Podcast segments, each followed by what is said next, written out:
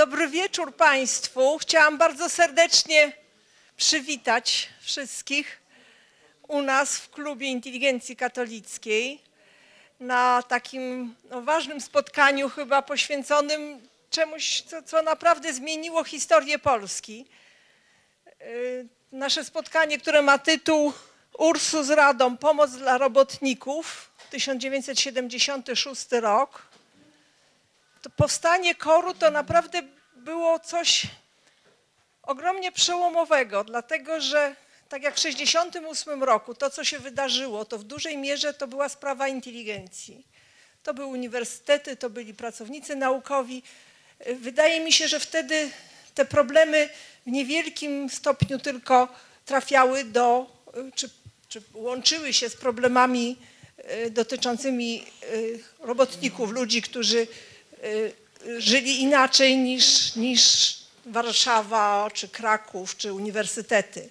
I stopniowo po 1968 roku nastąpiła zmiana, połączenie sił tych dwóch właśnie. Z jednej strony inteligencji, która miała za sobą różnego rodzaju doświadczenia i w różny sposób reagowała na tę sytuację polityczną, która była, i robotników, którzy w pewnym momencie stali się też, jak gdyby poczuli się też prześladowani przez ten ustrój, który teoretycznie był ustrojem, który miał wspierać klasę robotniczą. No i połączenie tych dwóch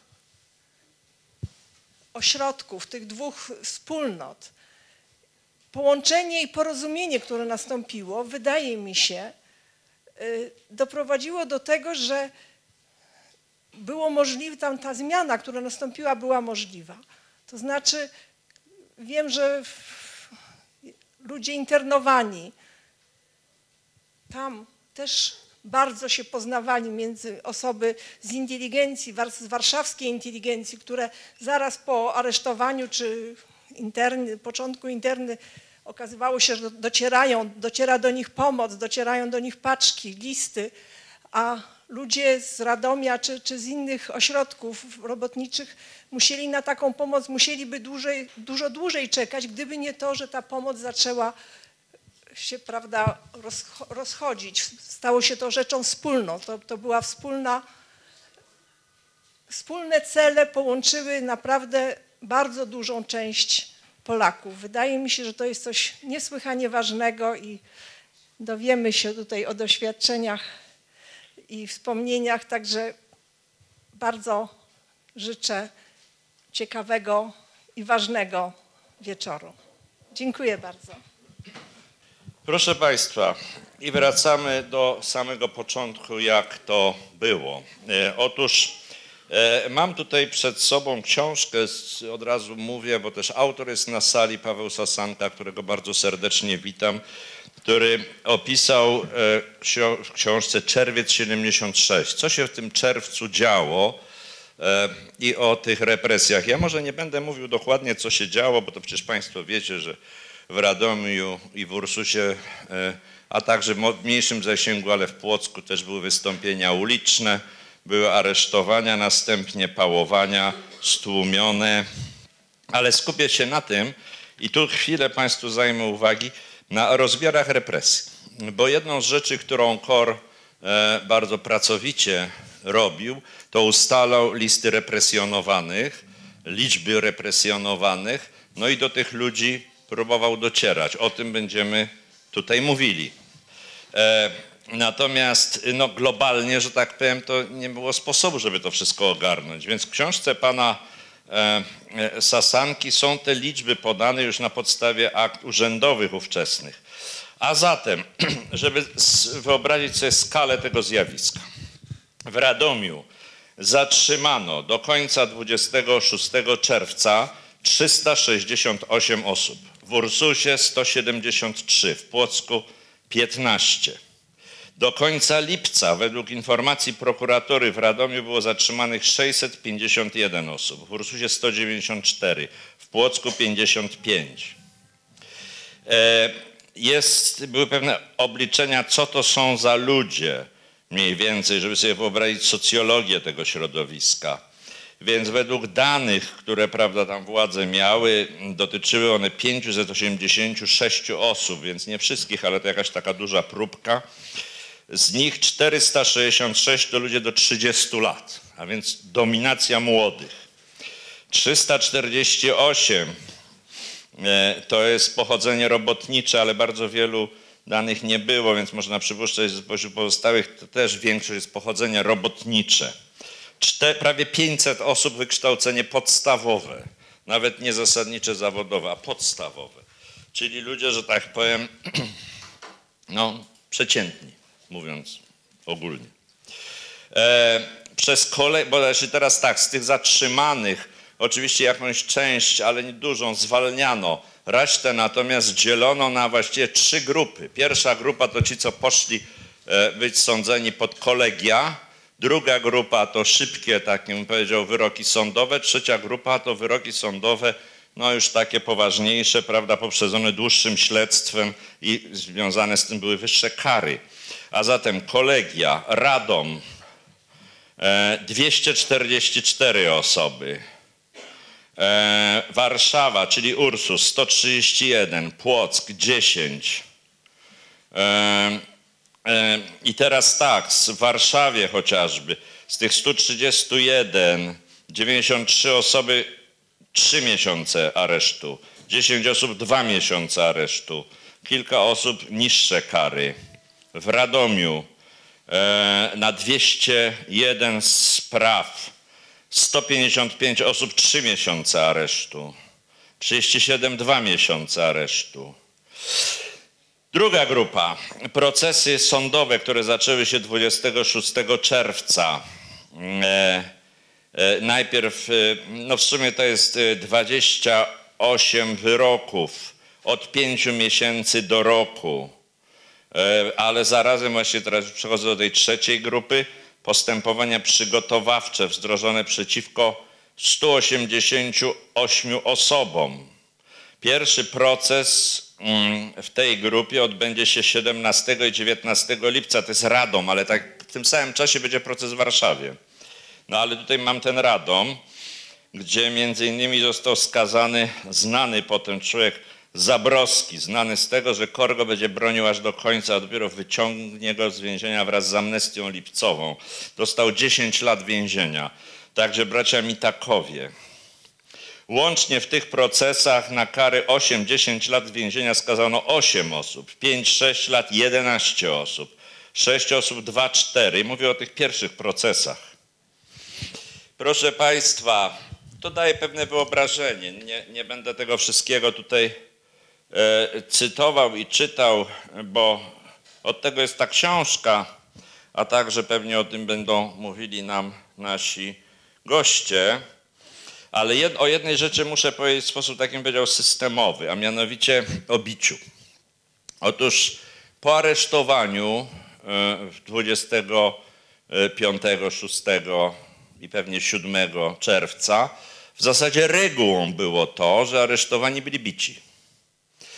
E, To jest ten moment e, ogromnego oburzenia e, tu w Warszawie, i w innych miastach młodzieży, inteligencji o te metody. No te metody niestety one były nie, nie, nie pierwszy raz bito, krótko mówiąc. Bito w grudniu 70 roku i, i to była w zasadzie taka metoda milicji. No. Znaczy zaczynamy bić. Ona nie dotyczyła studentów na przykład aresztowanych, dajmy na to w marcu, ale wśród wobec środowiska robotniczego była stosowana. I, mm, I tu mamy, że tak powiem, w książce pana Sasanki ten opis tego. A nawet jak autor tego pisze, e, e, słowo, e, słowo ścieżka zdrowia nawet było też używane po tamtej stronie. Tak. E, proszę Państwa, nasze spotkanie e, ma pewien charakter mm, szczególny w stosunku do też różnych innych spotkań e, o korze, które się odbywają w tych dniach. E, Postanowiliśmy mianowicie zaprosić do opowieści o tych sprawach te osoby, które działały na pierwszej linii, można powiedzieć, i to jeszcze zanim KOR powstał zaczęły działać. Czyli jeżdżenie do robotników Ursusa, Radomia, e, rozpoczynanie i potem prowadzenie tej akcji pomocy od początku. Właśnie to jest taki, bym powiedział, e, kawałek tej historii szalenie ważny, a mało zdokumentowany, bo oczywiście nieobecny w, dokumentacji państwowej, E, no ale też jakby wszyscy się koncentrują raczej na, jak ten kor powstał, prawda, kto tu większe ma zasługi, kto ma mniejsze zasługi i tak dalej, albo potem na akcji dalszej. A ten sam początek trochę nam umyka. I chciałbym, że tak powiem, żebyśmy spróbowali temu przede wszystkim poświęcić uwagę. A więc początkom akcji pomocy dla represjonowanych. I to jest tyle ode mnie. E, I chciałem e, tutaj tylko powitać wszystkich po kolei i będę szedł kolejno. E, Pan Dariusz Kupiecki. Wojciech Onyszkiewicz. Agnieszka Wolfram Zakrzewska. Henryk Wujec. Rafał Zakrzewski. I brakuje nam Ludki Wujec, która gdzieś zginęła na sali. Zapraszam tutaj.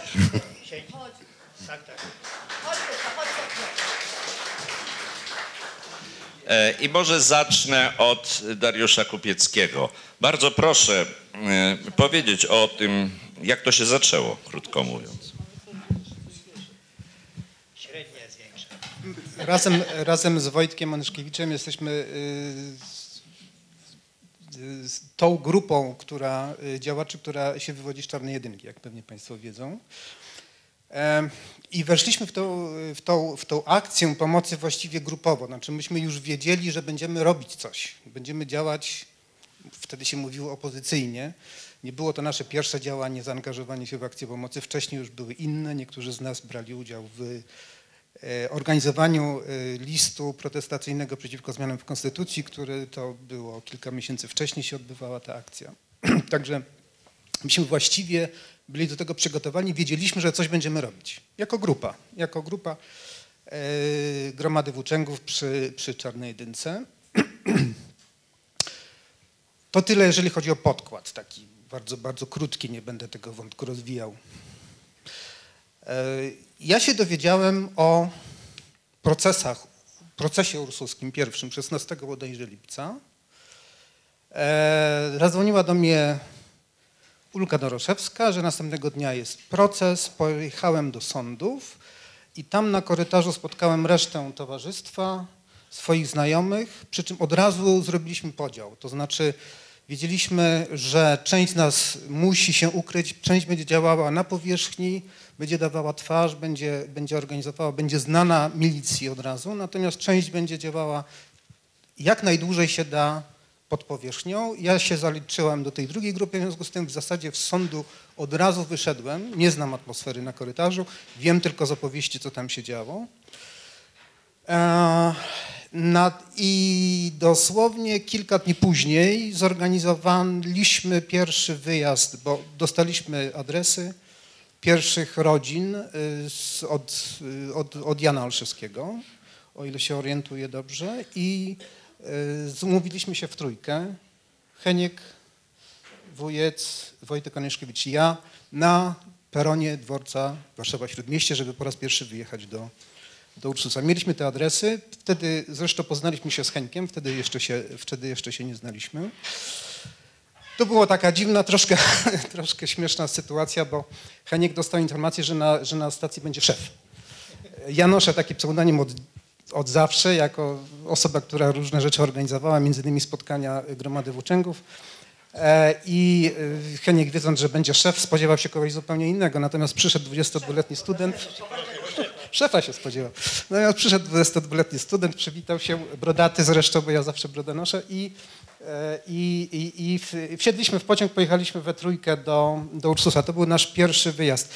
Nie pamiętam, czy w- chodziliśmy w trójkę razem po pierwszych adresach. Próbowałem to sobie przypomnieć, ale chyba od razu się podzieliliśmy, dlatego że tak chodzenie w trójkę byłoby zbyt y, takie agresywne w stosunku do tych przestraszonych ludzi, którzy nam tam otwierali drzwi, y, drzwi po drugiej stronie.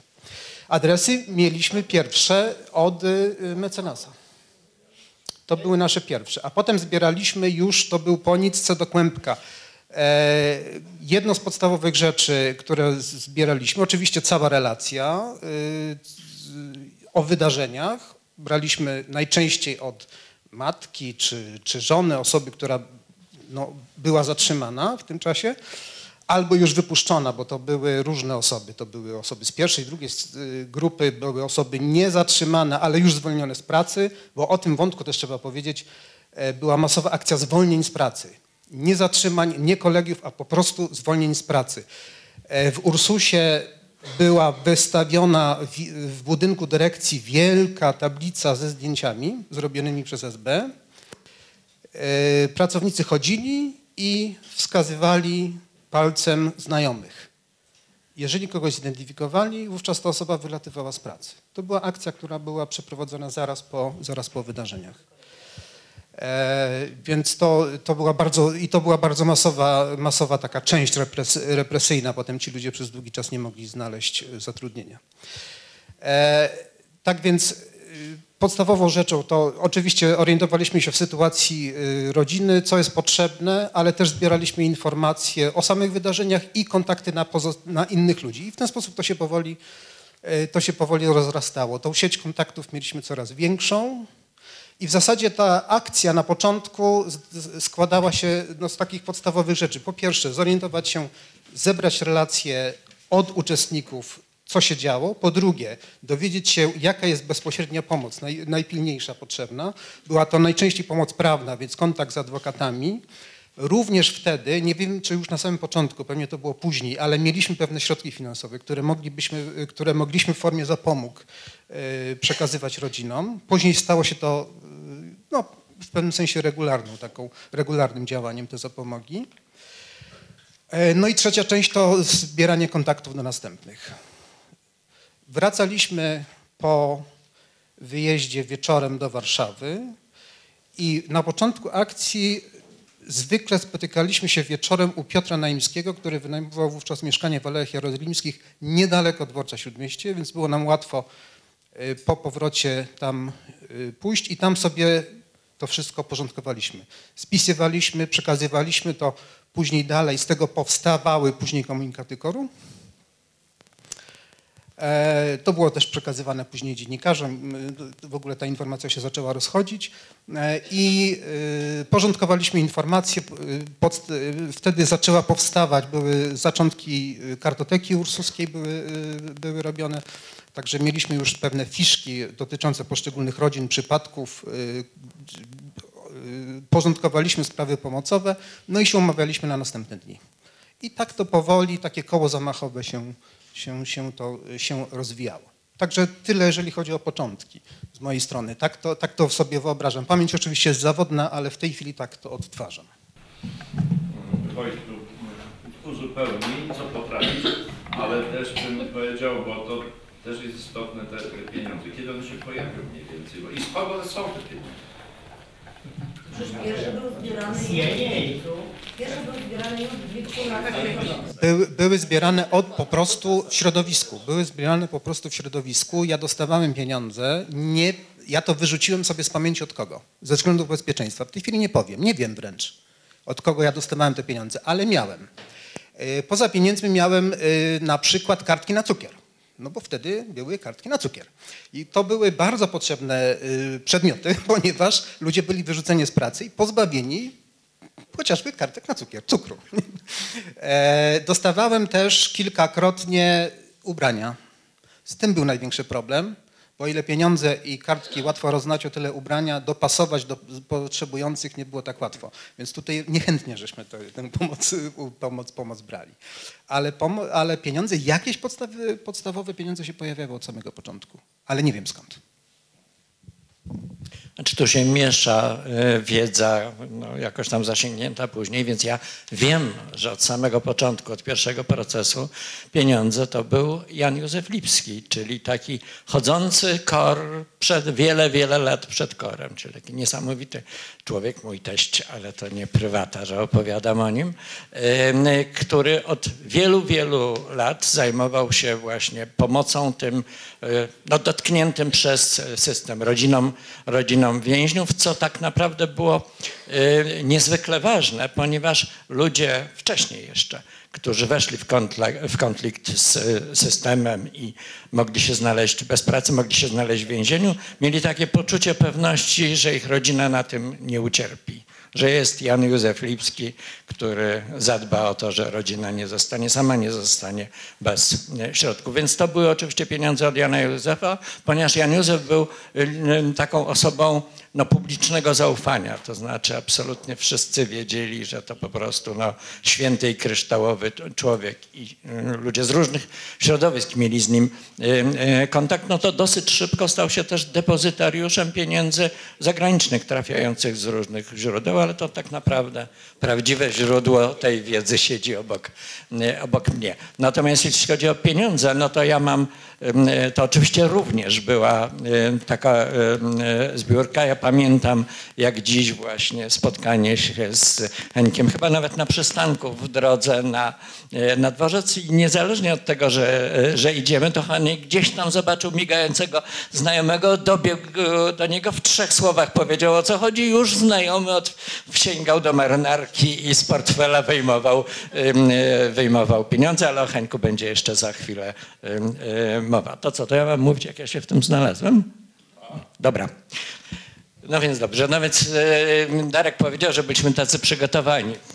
Pochodzimy z, z e, Czarnej Jedynki, z gromady włóczęgów, ale niestety dzieliliśmy się tam na intelektualistów i na prostaczków. Ja należałem do prostaczków, który wprawdzie wiedział o tym, że najważniejszą rzeczą jest sprawa podmiotowości, tego nas nauczył, nauczył e, e, Marzec, że to nie nasze państwo, że budować się musimy od e, dołu i w związku z czym z częścią ludzi, ze znakomitym wówczas nauczycielem też Czarnej Jedynki, Fałkowskim, e, myśmy się e, zajmowali takim budowaniem od samorządności uczniowskiej, a o jakimś liście 59, no to mówiliśmy, a to takie inteligenckie gadanie, tu trzeba budować od podstaw, robić rzeczy, e, rzeczy prawdziwe. To zresztą spowodowało, że Antek jak no, wpadł na pomysł e, akcji pomocy i, i, i tego, co trzeba natychmiast zrobić i można zrobić natychmiast i szedł na spotkanie e, ze mną, żeby mnie do tego namówić, no to szedł tak, w stanie takiego, opowiadał potem dużego stresu, bo był przekonany, że się spotka z odmową, że to taka dziecinada, a trzeba się zajmować właśnie czym innym. Ale nastąpiła e, jednak jedna rzecz i ona jest ważna. To znaczy od momentu strajków zmienił się paradygmat. To znaczy ja i myślę wiele osób zdawało sobie sprawę, że od tego momentu żyjemy w innej Polsce. Że sposoby postępowania i strategie dobre dla wcześniejszego czasu przestały być, być dobre. Oczywiście y, to nie dotyczy listów y, 59, bo to ja byłem idiotą. Oni mieli rację, a nie ja. Ale co do w ogóle zasad działania. Wiedziałem, że absolutnie mm, mm, Antek to jakoś potrafił też przekazać, ale ja byłem na to przygotowany. Że mamy mm, do czynienia z bardzo szczególną sytuacją. Szcz- Szczególność tej sytuacji polegała, polegała na tym. Pol, wszyscy w Polsce wiedzieli, że Polską rządzą bunty robotników, które obalą najmocniejszego sekretarza, sekretarza partii. Tyle, że są one nie- niezorganizowane, wybuchają co jakiś czas. Bunt y, w- czerwcowy był specyficzny, ponieważ władza ustąpiła natychmiast. I w związku z tym żyliśmy w takiej sytuacji zawieszenia i zdawaliśmy sobie sprawę z tego, że władza się tych robotników boi. Pojedynczo jest gotowa ich zmiażdżyć, natomiast łącznie się ich boi i że w związku z tym, dopóki będziemy się trzymali tego tematu, to tak naprawdę możemy zrobić niezwykle, niezwykle wiele. To znaczy możemy wręcz stworzyć jawną, antypaństwową organizację, dopóki trzymamy się tego, tego tematu. I wiedział o tym na pewno, na pewno, na pewno e, e, Antoni. E, Pamiętam rozmowę z Antonim, jak dziś pamiętam, jest parę takich obrazków, które pamiętam jak, jak dzisiaj, mimo że to było 40 lat temu, pod pomni pomnikiem bohaterów getta, no, gdzie właśnie Antek mi opowiadał o,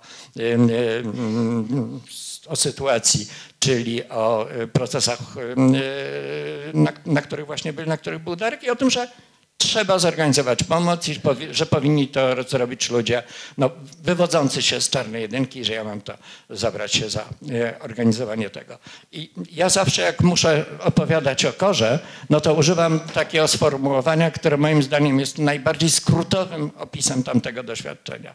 To sformułowanie brzmi kor przychodzi, a oba słowa są ważne. Co to znaczy kor przychodzi? To znaczy taka sytuacja, w której nagle ta, w różnej formie, w różnej fazie zjawia się u ciebie problem, w moim przypadku, y, który, przed, przy którym nie masz dobrego wyboru, bo albo odpowiesz takiemu Antoniemu Macierewiczowi, że przepraszam, ale ja nie mogę się e, w to e, włączyć, no bo właśnie będę się musiał pożegnać z drużyną, wylecę z pracy i tak dalej, i tak dalej.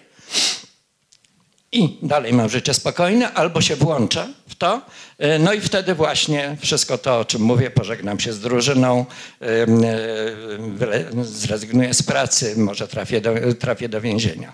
Tyle tylko, że jeżeli odmówię, to tak naprawdę też się pożegnam z drużyną, bo stracę elementarny szacunek do siebie. Już nie będę mógł mm, no, mówić harcerzom, żeby robili te rzeczy, no, których ja właśnie, nie, ja właśnie nie zrobiłem. W bardzo różnej formie KOR przychodził do ludzi i stawiał ich przed takim dylematem. Albo zachowasz się przyzwoicie, wchodzisz w konflikt e, z władzą, albo nie możesz spojrzeć w lustro.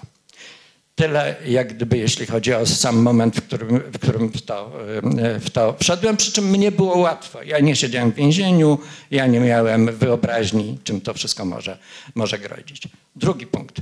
To jest pierwsza wizyta, którą ja pamiętam. e, W, e, pierwsza wizyta, do, z którą się jechało do właśnie ludzi. To był adres z procesu, bo to był dziełak, jeden z e, tych właśnie Oskar podsądnych. Pamiętam dokładnie wioskę, pamiętam przystanek przed Żerardowem, w, w którym się wyjeżdżało. Pamiętam lekko padający deszcz i, i ścieżka i pamiętam taki okropny stres, jak to będzie, no, no przychodzę i, i co ja mówię, kto ja jestem, po co jestem, że tylko i wyłącznie pewnie się przestraszą i mnie wyrzucą. E, I pamiętam, że jak tam już przyszedłem, e, to e, sam fakt, że przyszedłem, sam fakt, że, że chciałem pomóc, miał od razu olbrzymie, olbrzymie znaczenie. Dlaczego on miał takie olbrzymie znaczenie? I nie tylko dlatego, że ta pomoc była naprawdę potrzebna. Również dlatego, że y, całe nasze doświadczenie w korze to było takie, takie doświadczenie z atomizacji społecznej. Ludzie po spacyfikowani y, no, oddzielali się od, y, od siebie. Jak ktoś był no, rodziną kogoś, kto jest w więzieniu, wszyscy się natychmiast odsuwali od niego. W związku z tym nasze przychodzenie przełamywało to, to poczucie atomizacji było niezwykle, niezwykle istotne. Natomiast co było istotne dla mnie, to że ta wizyta no, była wspaniała. To znaczy w chwilę potem, em, no, znaczy tak żywa była reakcja na tą moją przecież drobną, drobną pomoc, że ja wracałem w euforii i to, co jest ważne, ja miałem świadomość od tego momentu, że co by się nie, dało, nie działo dalej, to dla takiej jednej wizyty warto ryzykować. Dla takiej, I w związku z tym KOR się składał, ym, cała działalność późniejsza z takich pojedynczych działań, które broniły się same, miały sens same w sobie, takich małych kroków, które, które warto było e, robić. Natomiast co tu warto jeszcze dodać? Warto dodać dwie rzeczy. Darek, Heniek to były organizacyjne potęgi i, i, pracujące potęgi, a ja byłem oferma, facet o dwóch lewych rękach, ale który jednak pojechał, jednak jakąś rolę w tym wszystkim odegrał i, ym, i miał taką świadomość. I to jest bardzo, bardzo ważne, że jeżeli inni lepsi od ciebie nie robią takich rzeczy, no to ty jesteś najlepszy na świecie, no bo jedyny albo jeden, jeden z nielicznych. I to towarzyszyło wielu osobom wielokrotnie angażującym się w działalność koru. Jednocześnie miało się świadomość, że jest częścią świetnie zorganizowanej całości, którą później jakoś tam dopełnił, dopełnił komunikat, którą opisywał, e, opisywał Darek. Kolejna rzecz, można jeszcze przez chwilę, czy za długo? Za, za długo, bo jeszcze dostaniesz głos, ale chcemy, że tak powiem, pójść do przodu. E, e, e, więc y, zanim Agnieszkę zapytam, to tutaj zapomniałem puścić w obieg, proszę bardzo. To jest od Państwa wójców ich album, nic proszę nie wyjmować. Obejrzeć i tak powinno wrócić e, w tym kształcie, jaki wie. To są zdjęcia z koru, ale nie tylko. Potem są jeszcze z Komitetu Obywatelskiego. E, Agnieszka, Agnieszka Wolfram wówczas e, podpisała taki list, o którym się mało pamięta, bo to jest sam początek lipca. E, zaraz po, e, po, po Radomiu powstały takie listy, no jeszcze według tradycyjnej formy protestu, czyli solidarności z tymi, co protestowali, z tymi robotnikami. One są dosyć ciekawe, bo one są, nie pamiętasz? Szkoda. Był, by, były trzy w ogóle listy. Był list, że tak... No ja ten list mam u siebie w archiwum, więc na pewno. E, e, były trzy listy. List, że tak powiem, taki, o którym e, jest opowiada Jacek Kuroń w swoich wspomnieniach i to jest znana sprawa, czyli tam profesor Lipiński, podpisał Kisiel, Michnik, y, pisarze jacyś. I ten list poszedł do mediów zachodnich, ale dwa takie listy, one niekoniecznie poszły do mediów, bo to nie były znane nazwiska, a mianowicie list właśnie takich, no, dwudziestoparolatków, głównie powiedzmy marcowej młodzieży, mówiąc krótko, absolwentów z Solidarnością i list studentów. To nie są duże listy, to tak po kilkanaście osób pod każdym.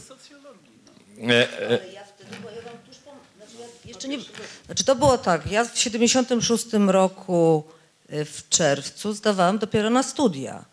Czyli jeżeli ja podpisałam ten list, to ja byłam, ja naprawdę tego nie pamiętam, ale pewno tak, y, to ja wtedy jeszcze nie rozpoczęłam studiów. Znaczy ja dostałam, nawet indeksu nie miałam. Znaczy ja byłam przyjęta do Instytutu Socjologii.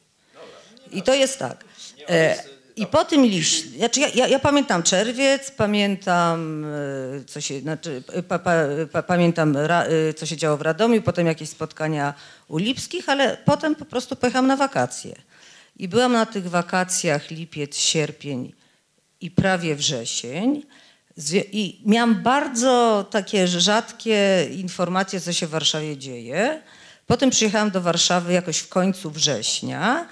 No ja byłam młodzieżą kikowską, znaczy moje korzenie są z kiku, więc jak się mówi o tych różnych y, y, grupach ludzi, którzy y, jeździli do Radomia i Ursusa, to ja jestem z kikowskiej grupy.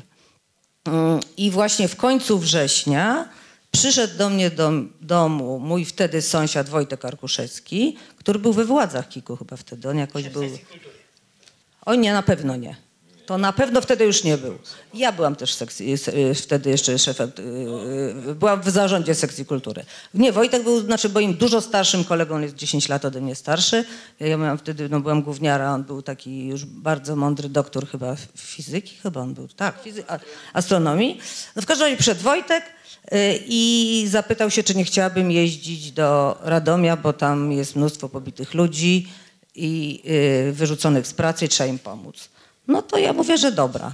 No i on, w, i tutaj to jest ta różnica między tym, co y, wy y, y, opowiadacie, bo jednak to już jest koniec września, czyli to jest po prostu już po ukonstytuowaniu się koru. E, I wy ruszaliście ten, ten Ursus. Ja weszłam już w absolutnie fantastycznie zorganizowane struktury. Po prostu dostałam adres do państwa romaszewskich na ulicę Kopińską w Warszawie, których ja ich wtedy nie znałam. I miałam się stawić u Romaszewskich i powiedzieć, że jestem chętna do jeżdżenia. No i ja tam poszłam i Zosia Romaszewska, która miała córkę ode mnie dwa czy trzy lata młodszą tylko, tak się na mnie spojrzała, zapytała się ile mam lat, ja powiedziałam, że 18. No ona tak patrzy na Zbyszka i mówi, no niby dorosła, a co rodzice na to? Ja mówię, no pozwolili. No i wtedy już, ale oni już byli fantastycznie zorganizowani. Znaczy to, to było tak, to było po, już po tych y, wyjazdach do Radomia na te no, poważniejsze procesy. Wtedy w Radomiu złapali Ludka, jakoś go strasznie pobili. Ja to jakby...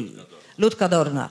I jakby to ja cały czas miałam tego, że nawet w pięty go bili, bo to jakoś robiło na mnie jakieś niesamowite wrażenie. No i, no i, i y, umówiłam się, kiedy tam...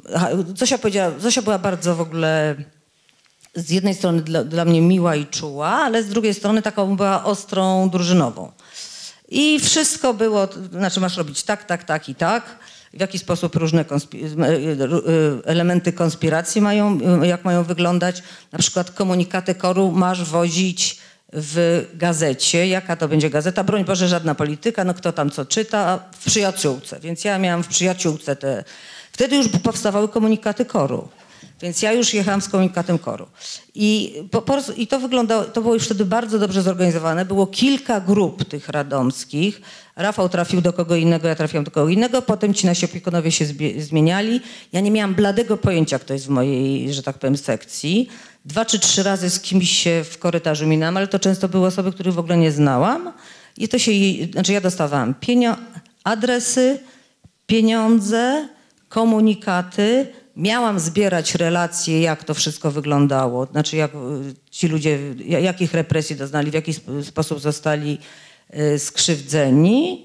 I mia- miałam zbierać relacje, które potem miały tam mieć jakąś formę y, pisaną i tak dalej. A w ogóle myśmy już, chyba, chyba wtedy, ale nie wiem, czy dobrze pamiętam, jakoś szykowali się do tego, że kiedyś powstanie list o komisję konstytucyjną w sprawie zbadania tego.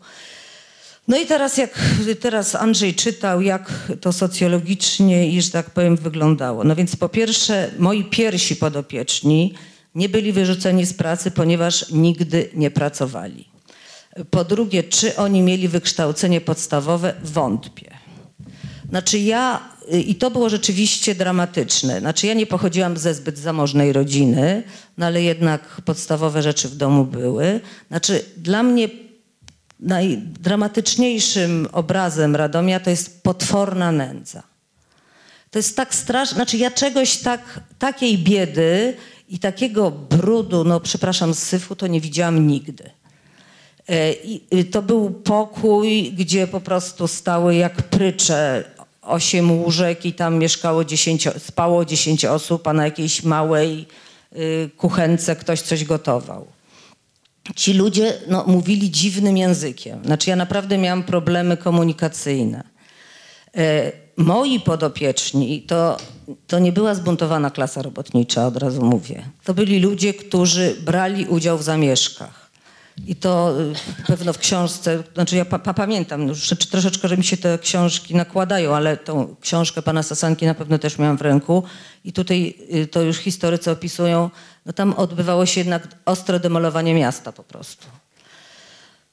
Więc ci moi podopieczni to byli z tych demolek. Niektórzy właśnie byli z tego, ale też miałam taką rodzinę, gdzie oni po prostu słynęli z tego, że są złodziejami i łobuzami i ich wyciągnęli potem z domu i wsadzili do więzienia. Znaczy oni nawet tam nie byli.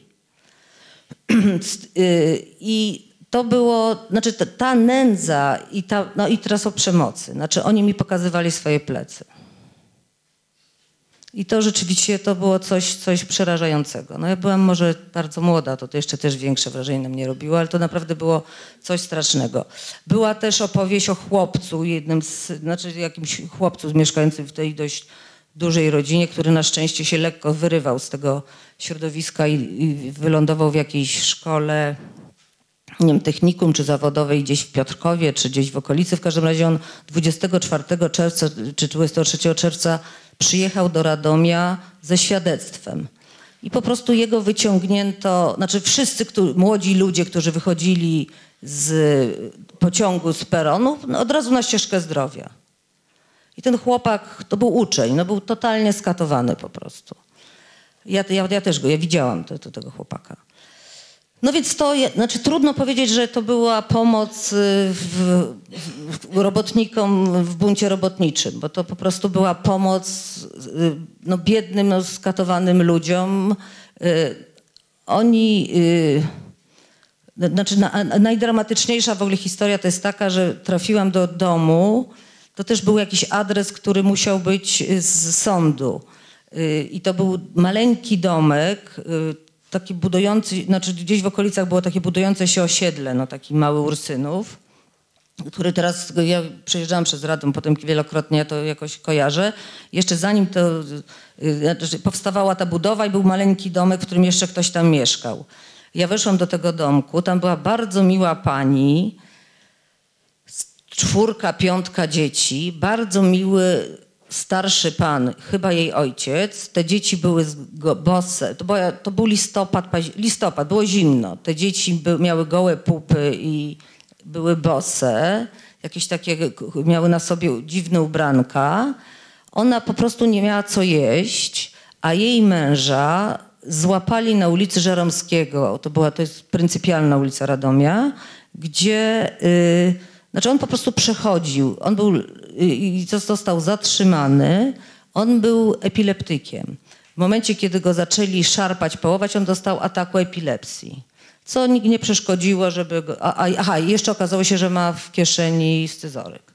On został skazany, znaczy zatrzymany, nie wiem czy dostał kolegium, czy coś, został zatrzymany za czynną napaść z nożem na policjanta. Tam był po prostu głód w tym domu. E, I ja pamiętam, dostawałam jakieś, średnio się dawało tysiąc złotych. Nie wiem, czy pamiętacie banknot tysiącozłotowy wtedy. I ja miałam jeszcze tam, tam różnych ludzi pójść, miałam tam listę. Na ogół to było tam, nie wiem, 6-7 domów, które miałam odwiedzić. Ja wszystkie pieniądze tej pani zostawiłam. I ona wtedy mnie pocałowała w rękę, pocałowała w rękę, powiedziała do mnie Najświętsza Panienko, a potem powiedziała, to może się podzielmy na połowę. Znaczy ona kompletnie, znaczy, no w ogóle, rzecz, moim zdaniem ona myślała, że anioł z nieba stąpił. Nie to, że ja taka urodziwa, ale no po prostu stała się taka historia, że to po prostu ona nie wiedziała co. Potem zresztą myśmy y, zajęli się tym mężem. I Ta pani, myśmy sprowadzili ją do, do Warszawy, do y, zespołu 25 na Placu Zbawiciela. Spotkałam się z nią na, y, y, w- kościele, zaprowadziłam ją do tego zespołu, zo- zo- została oddana w ręce prawników i on wyszedł. Y, A, a jeszcze nasz przyjaciel i pewno znajomy wielu Państwa tutaj, Janek Cywiński, który był rekordzistą jazd do Radomia. On najwięcej jazd wykonał. Y, Janek miał babcię, która mia, miała jakieś dolary.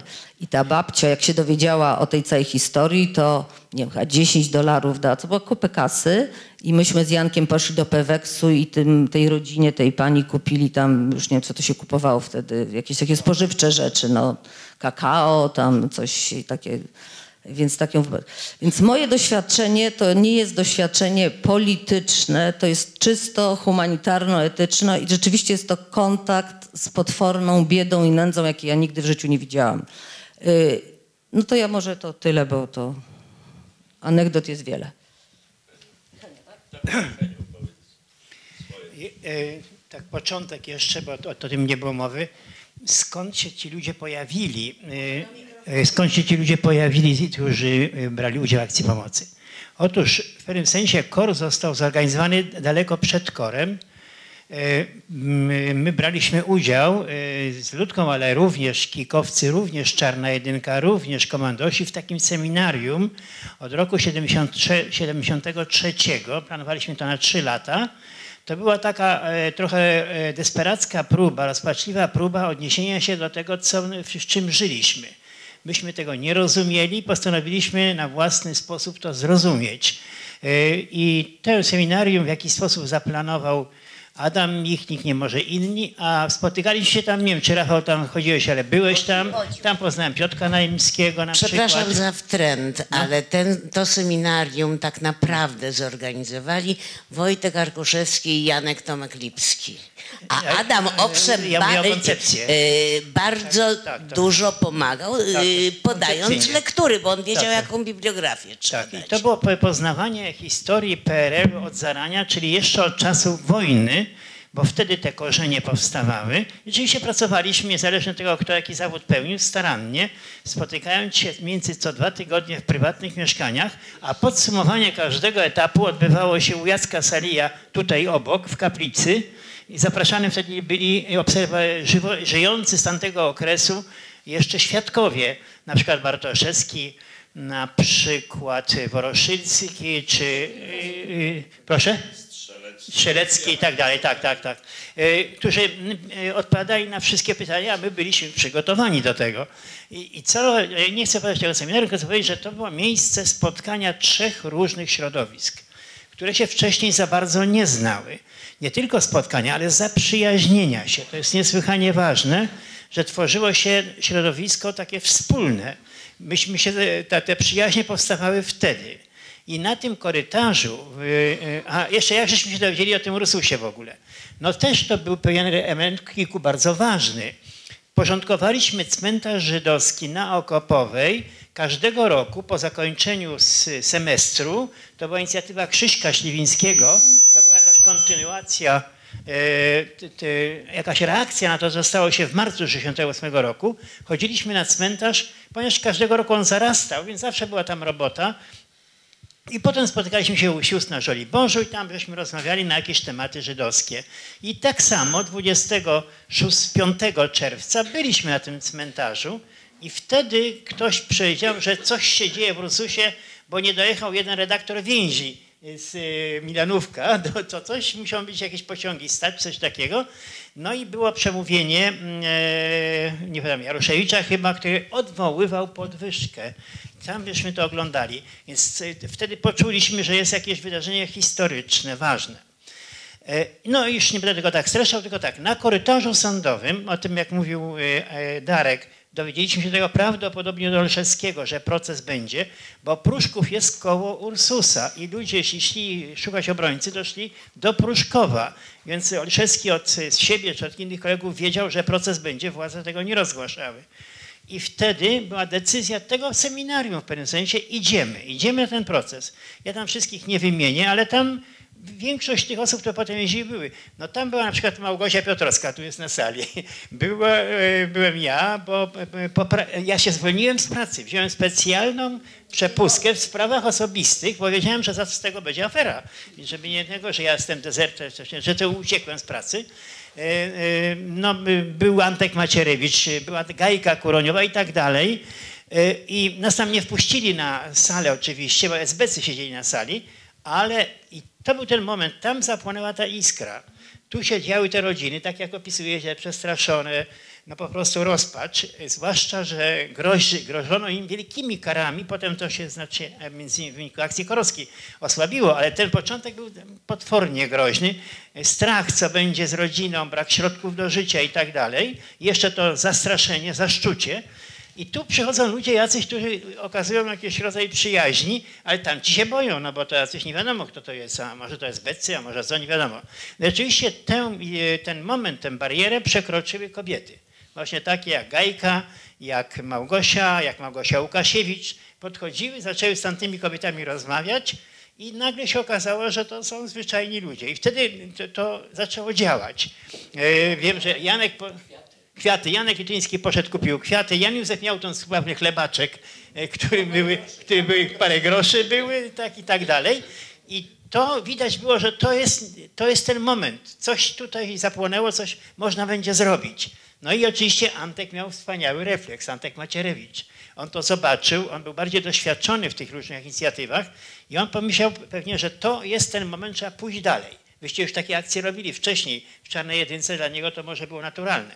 Również Jan Józef miał taki pomysł, ale to już nie wchodzę, ale Antek na przykład mnie powiedział, że tę akcję trzeba kontynuować i czy ty byś chodził tam? Czy... Ja mówię tak, oczywiście, no teraz, ale niestety na początek, ponieważ pracowałem w fabryce socjalistycznej, były dokładnie rozpisane, kiedy są wczasy rodzinne, to myśmy mieli wtedy wyznaczone wczasy. I my pojechaliśmy na dwa tygodnie, gdzieś tam jakieś wczasy, a potem po po powrocie, ja powiedziałem, jak wracam, od razu się melduję. I faktycznie miałem się zameldować u Wojtka Fałkowskiego, bo tam niedaleko mieszkał i się u niego zameldowałem, ale Wojtek z jakichś przyczyn nie mógł jeździć, coś tam było rodzinnego i, po, i wtedy skierował mnie do szefa. do szefa, czyli do Darka. I ja myślę, że ja jeździłem zamiast Wojtka Pałkowskiego, ta trójka nasza. Ale bardzo jestem zadowolony z tego, że, że, że tam wpadłem w tą trójkę. Nawet y, może trochę od tego tonu odchodząc, chciałem powiedzieć, że jest taka, e, coś, te- znacie to. Ja to mam szczęście, że w tym momencie żyć mi przyszło w kraju nad Wisłą. Ja uważam, że szczęście głównie ze względu na te przyjaźnie, jakie wtedy powstały, one już trwają, one już się nie zmienią. To największa wartość z tamtego okresu. One nie pękły przez cały czas, jak, jak, jak tu jesteśmy, mimo pewnych różnic, jakie są. E, I mm, e, te adresy pierwsze były z tego procesu. No bo na przykład pani Mielczarkowa, e, to się dopisywała, Ludka, myśmy ją wzięli do domu, e, tam także pogadać i tak dalej. Dobrze, więc te pierwsze adresy stamtąd były, pewnie również adwokatów i tak dalej. Ten moment, teraz tak, te, te, te ścieżki zdrowia. Te ścieżki zdrowia były dlatego, bo Gierek powiedział, ja nie będę strzelał do robotników. Nie będę strzelał, ale wpiernić trzeba im dać. Muszę popamiętać. I to nie były przypadkowe, to było ułożone dokładnie. To było dokładny mechanizm. Jak go złapali, a łapali, tak jak mówicie, na, wszędzie. Na torach, przy zakładzie, do śmietnika facet z kubłem szedł. Gdzie go gdzie złapali, tam go brali. I więc na początek szedł do suki, no to go pałowali, wchodził do suki. Potem suka jechała pod komendę w Ursusie, wychodził z komendy, wychodził z suki, szedł do komendy. Tam już był szpaler i tam go pałowali. Wchodził do komendy, tam siedziało dwóch policjantów na zmianę. Jeden nazywał się Dąbek, a drugi Dynda i miał listę. Na li- tej liście musiał zaznaczyć. Rzucał kamieniami, przeklinał czy coś tam, atakował milicjantów i tylko podkreślał. Nazwisko podkreślał. Rzucał kamieniami. Następny. Yy, I podpisany był świadek. On, on pisał ten Dynda czy Dąbek, on to wszystko widział. Zresztą potem było zakwestionowane przez prawników bardzo dobrze. Yy, Tak, kto? Przyszedł Janek Szymiński, tak jeździł. rekordzista. Tak. E, e, Rekordzista. I potem z tej komendy tak samo szedł do Suki i był pałowany i potem Suka rozwoziła po różnych aresztach w Warszawie. Teraz tak, myśmy zrobili dokładny rejestr aresztów. Cel, kto w jakiej celi siedział, kto z kim siedział. Dzięki temu dochodziliśmy potem stopniowo, kto do kogo, ale mieliśmy często jakieś na przykład Antek Zielonki albo coś takiego. Trudno było trafić, ale powoli trafialiśmy. Yy, I cały ten przebieg tej akcji ursuskiej powstał w wyniku naszego doświadczenia i tych opisów, które zbieraliśmy i nosiliśmy do Piotrka Naimskiego. To trzeba powiedzieć, że to była e, e, pewna organizacja z czarnej jedynki wzięta-. Oni już mieli takie akcje, jakieś robili i po prostu to pewien wzorzec był. Dokładnie według tego wzorca postępowaliśmy. To może na razie tyle. Może dobrze. Właśnie, Rafale, rozumiem, ty, ty Radom. Ja Radom. Y, Ja jeszcze bym do tego, co Heniek mówił, nawiązał. To znaczy, że gdzieś rzeczywiście nie najbardziej taką chyba istotną rzeczą, która y, zadecydowała o tym, że to się mogło jakoś udać, y, to było te przełamanie rozmaitych takich barier środowiskowych i to, że to trwało od, od paru lat rzeczywiście. To seminarium, na które ja chodziłem jako gówniarz kompletny, licealista chyba jeszcze, Równolegle się toczyło seminarium dla licealistów, które prowadził sam Adam.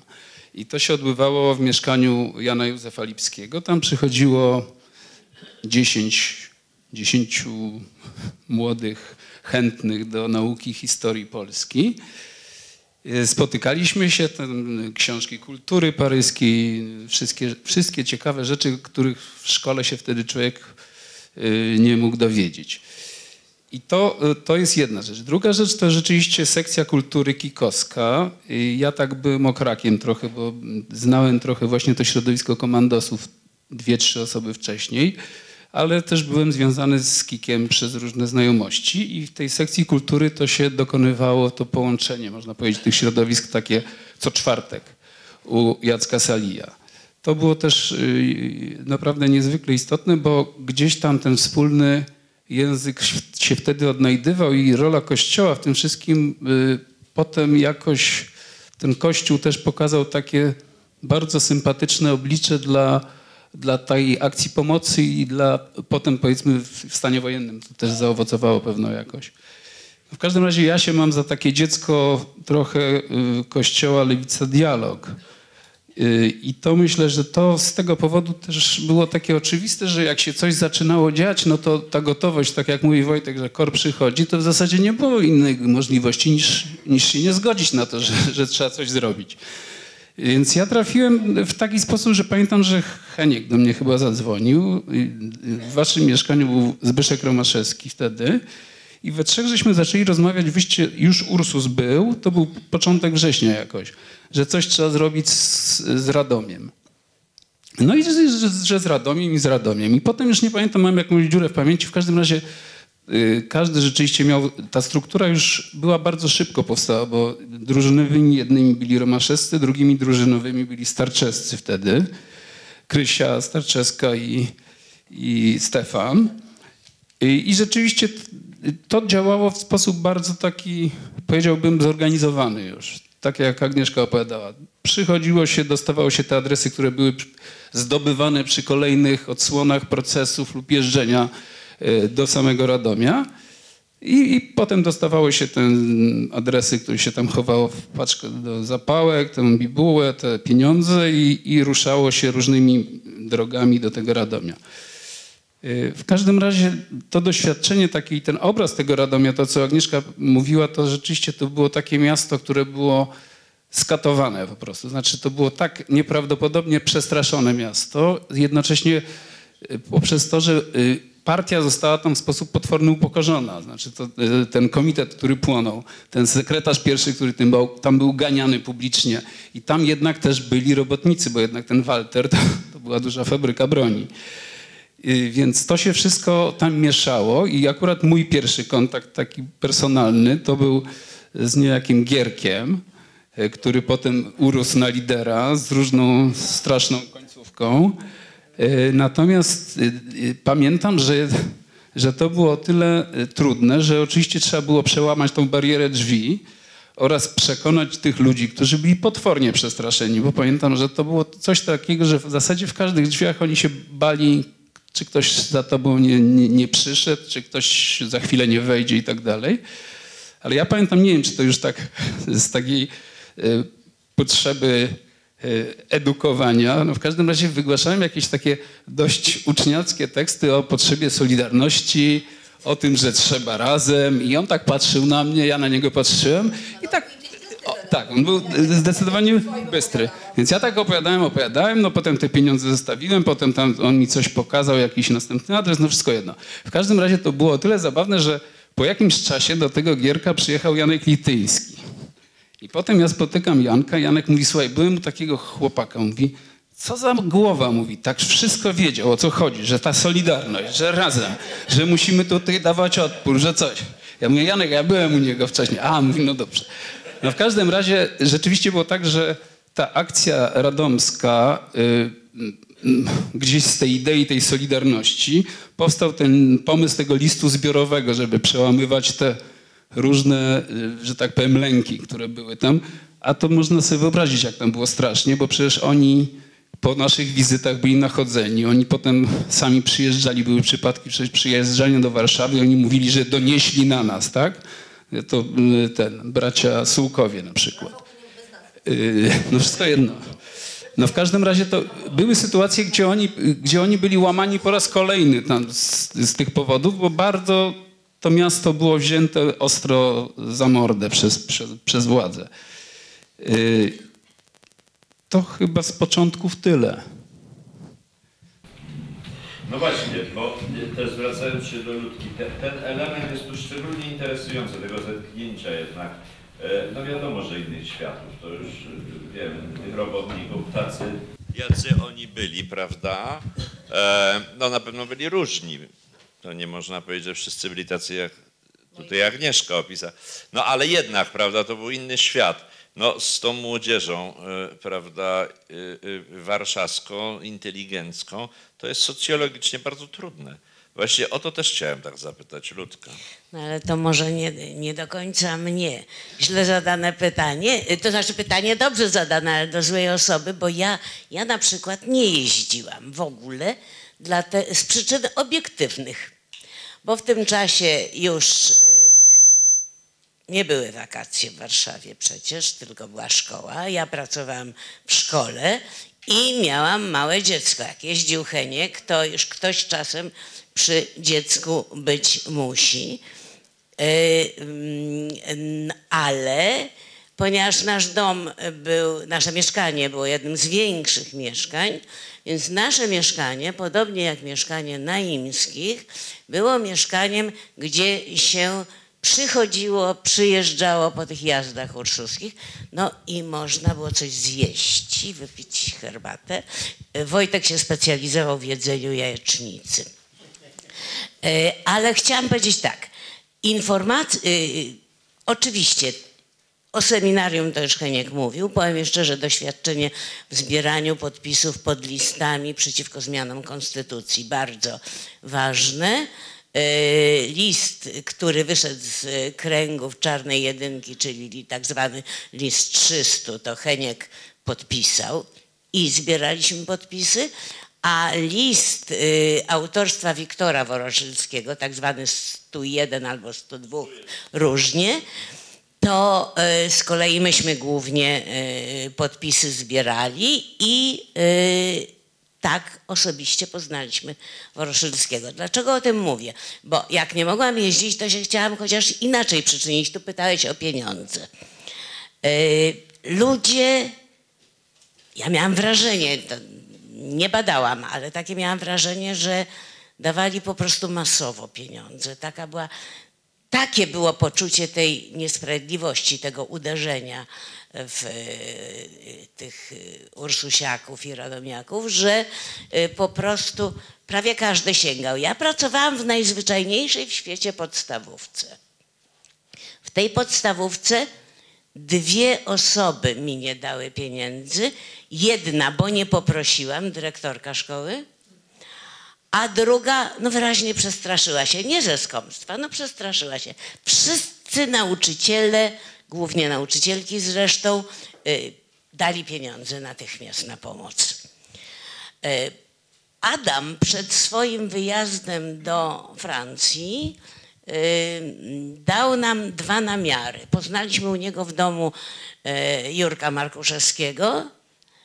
No a drugi namiar to, przepraszam, to już nie dał, to już sami mieliśmy Wiktora Waroszyckiego. I myśmy regularnie, albo Heniek, albo ja, odbierali i to już potężną taką kasę od Jurka Barkuszewskiego, który w środowisku teatralnym, wśród aktorów i reżyserów zbierał y, pieniądze i przynosił nam hurt. I od Wiktora, który z kolei w środowisku literatów y, zbierał i też hurt nam dawał. I oni bardzo byli zadowoleni z tej jednej stałej ścieżki, dlatego że mieli świeże, bezpośrednie relacje, bo mieli potrzebę oczywiście tej informacji zwrotnej, co się dzieje, jak ci ludzie i tak dalej. Informacje o pierwszym procesie tym warszawskim, ursuskim, przyniósł nam do domu, i to ja dokładnie pamiętam, Wojtek Ostrowski, który się dowiedział oczywiście od Jana Olszewskiego. Janek Olsze, Jan Olszewski się dowiedział w swoim zespole w Pruszkowie, bo ci podsądni mieli adwokatów z urzędu, no ale w zespołach się rozmawia. Więc o tych, od tych adwokatów z urzędu się dowiedział i stąd myśmy to oczywiście puścili natychmiast dalej. Ja pierwszego dnia na procesie ursuskim być nie mogłam, bo szkoła, bo lekcje. Ale jak tylko miałam tak dzień wolny, bo na ogół był taki jeden dzień wolny bezlekcyjny, to do tego Ursusa, e, tfu, do e, tego sądu pognałam i tam właśnie poznałam e, te rodziny. No, pani Milczarkowa przerażona zupełnie z małym synkiem, mieszkali na wsi. No w ogóle nie wiedziała co, dlaczego na nią spadło, bo ten Milczarek Bogu ducha winien, po prostu ze zdjęcia wzięty i nagle się okazało, że jest y, przywódcą tego całego strajku i tego zablokowania y, pociągów. Więc jej się świat kończył. Myśmy ją rzeczywiście wtedy wzięli do mojej mamy do domu tam na obiad. Ja, chcieliśmy zabrać synka na e, wakacje, no ale to nie dziwię jej się, że obcym ludziom jednak bała się dać y, dziecko na te dwa tygodnie. No i teraz ja, ponieważ y, im to tak nie wypada się chwalić, powiem, jak y, wyglądały, wyglądał taki dzień jeżdżącego, znaczy męża. Rano, raniutko, a bo ja jeszcze dodatkowo wylądowałam w szpitalu, więc rano, raniutko brał synka, ubierał i zawoził do przedszkola. Z przedszkola gnał do pracy, po pracy gnał do przedszkola i wstawiał synka do babci. E, Czasem jeszcze odwiedzał żonę w szpitalu, a potem pociąg, Ursus, adresy, no, trochę starszy od reszty, więc nie ten młodziak, któremu się może bardziej ufało, bo to jeszcze nie. A trochę starszy, pytam, jak cię tak wpuszczali? No mówi, no przychodziłem, mówiłem, że jestem z Kiku. Oni myśleli, że jest jakiś tajemniczy skik. I wpuszczali, i potem, a potem jakoś już mieli zaufanie i jakiś tam adres dodatkowy podali. Pierwszy adres radomski zresztą to też od Ursusiaków, dlatego że gdzieś przy okazji odsiadki po kolegium spotkał się jakiś Ursusiak z jakimś Radomiakiem i tak się złapało pierwszy y, adres. To nie mogę niestety y, powiedzieć więcej o socjologii jeżdżenia. Nie, ale bardzo, bardzo dobrze. Dobrze, Heniu. Mianowicie tu powstała ta kwestia, którą poruszyła Agnieszka, że jak ona przyszła tam, to w ogóle ten człowiek tam, jak się okazuje, nie pracował, był po prostu represjonowany. To, to, to, nie, było cał, to nie było tak całkowicie przypadkowe. Ten proces pierwszy ursuski, który był w połowie lipca, jak się przejrzało, tam było siedmiu robotników i najwyższy wyrok dostał młody chłopak, taki Chmielewski, pięć lat dostał i tam stopniowo w dół. To byli ludzie przypadkowo złapani, ale związani z, z zakładem. Większość z nich miała bardzo... Co? Z zakładem Ursus. Większość z nich miała bardzo pozytywne życiorysy. Ten Chmielewski uratował dziecko z jakiegoś pożaru. Miał wyróżnienie nawet jakieś. Inny taki zielonka tam gdzieś Kawęczynie, czy gdzieś tam pod Grodziskiem y, y, y, brał, wziął dzieci adoptowane, za- zajmował się tymi dziećmi adoptowanymi. Wyszło to w czasie procesu i, o, i wtedy władze, SB, przecież nie jest niegłupie, pomyślało sobie, to, to źle, bo w ten sposób to nas jakoś y, negatywnie pokazuje i w Radomiu już tego błędu nie robili. Brali kryminalistów po prostu. Z listy kryminalistów brali i czy, czy on tam był, czy nie był, to nieważne. Brali go i mówili, byłeś, rzucałeś 5 lat, 10 lat i tak dalej. Stąd y, ta, ta, ta cała historia. Jeszcze te wizyty w domach. One y, były rzeczywiście początkowo trudne, ale bardzo szybko nawiązywaliśmy kontakt, bo, bo to była ta atmosfera zastraszenia. W Ursusie chodziły trójki, e, milicjant i woj, dwóch milicjantów i wojsko, wojskowych, nie wiem dokładnie, e, które żeby, nie po to, żeby co tam pilnować, tylko żeby zastraszyć, żeby była taka presja na ludzi. Więc jak przychodził ktoś, to oni byli szczęśliwi i to się te drzwi szeroko otwierały. I nawet kiedyś jedna pani powiedziała mi tak, e, dość późno tam byłem, nie wiem czy we wrześniu, coś mówi, no wreszcie pan tu jest, mówi. Już u innych byli, a do mnie to do tej pory nie przyszli.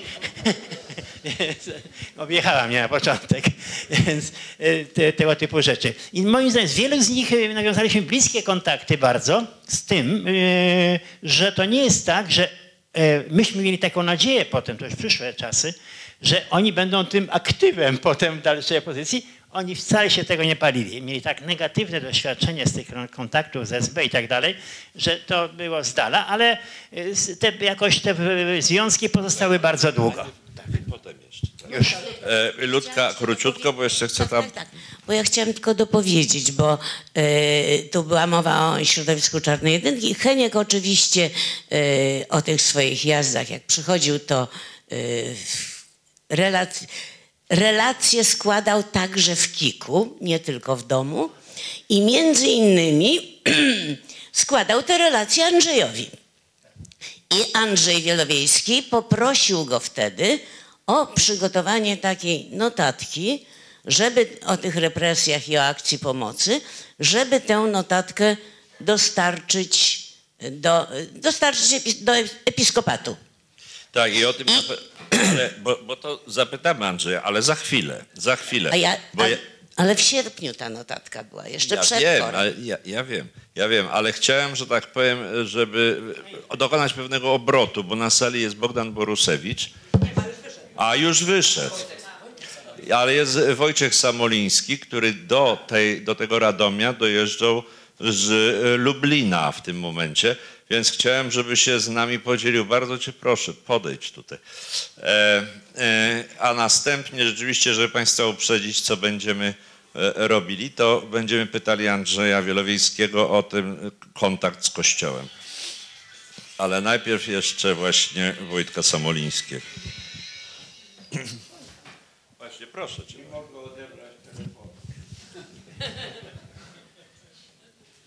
Dzień dobry. Myśmy w 76 roku wpadli na pomysł, że do tego Radomia trzeba jeździć. Sekundę, bo żeby wszyscy... za- Myśmy w Lublinie. Myśmy w Lublinie.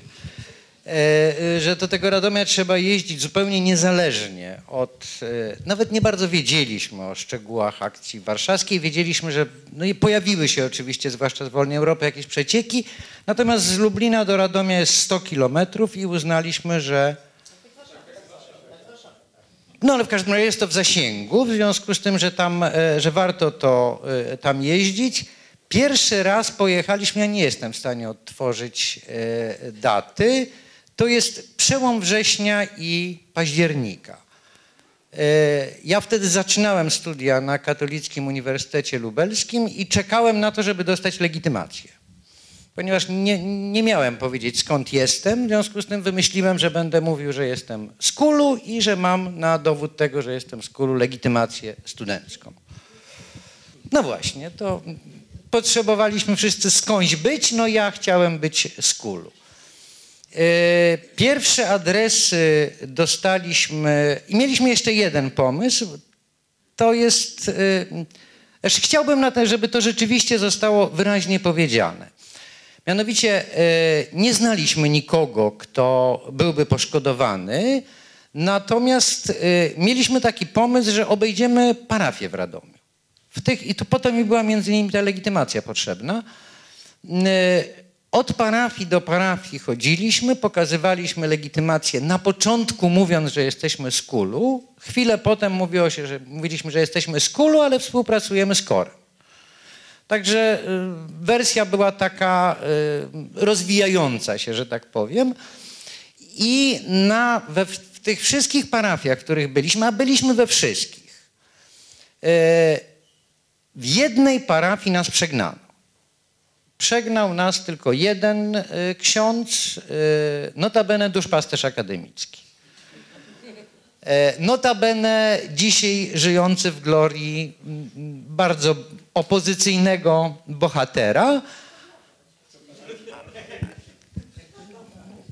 Tak, tak. Zrobił nawet więcej, to znaczy wykonał telefon do mm, ówczesnego rektora Katolickiego Uniwersytetu Lubelskiego z informacją, że go tu nachodzą, no i że w ogóle utrudniają mu życie, powołując się. Oni pewnie nie są wcale z kulu, ale podał na wszelki wypadek nazwiska, które przepisał z legitymacji. E, e, i to, ale to był jeden, jedyny taki przypadek. To niedobrze byłoby widzieć to wszystko przez perspektywę e, tego księdza, którego nazwisko zapomnij. Kotl, kot, kotlarza. Aha. nie, Po przeciwnej po stronie. przeciwnej stronie i o nim lepiej nie pamiętać. Natomiast wszyscy pozostali przyjęli nas sympatycznie.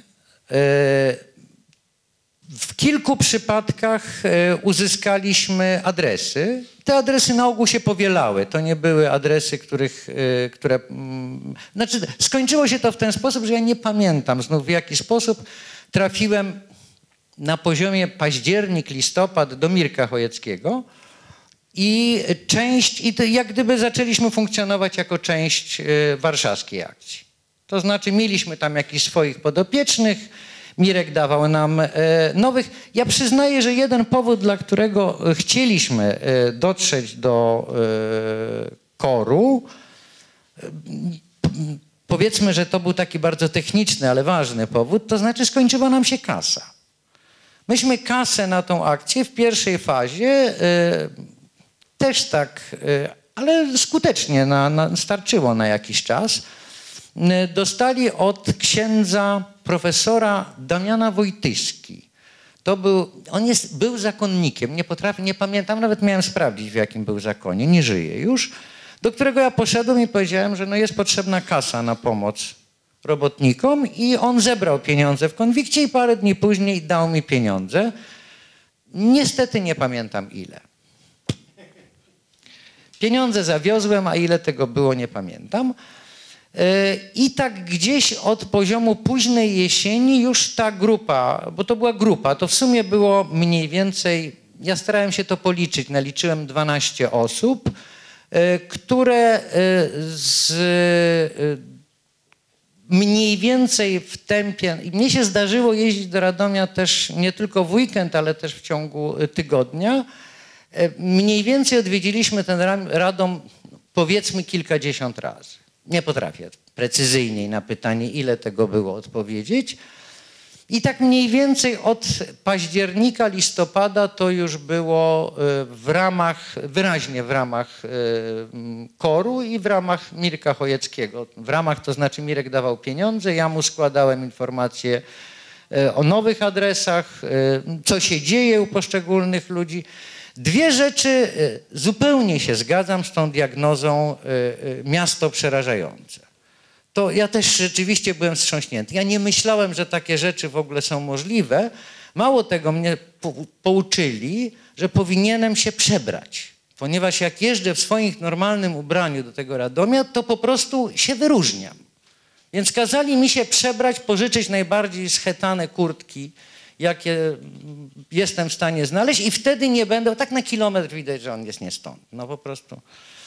E, mm, W każdym razie, jak już e, e, po tym dwie rzeczy jeszcze, mm, o dwóch rzeczach jeszcze trzeba koniecznie powiedzieć. W obu przypadkach, zresztą w jednym przypadku zakończyło się to mm, no, kompletną porażką. To znaczy, mieliśmy namiar na młodego chłopaka. On był wtedy starsze klasy szkoły średniej. Pamiętam nawet nazwisko. Nazywał się Kozak i mieszkał e, w, znaczy jego rodzice mieszkali w tej dzielnicy Radomia, która była w kierunku Warszawy. To się chyba Borki nazywało. Nie, na wsi.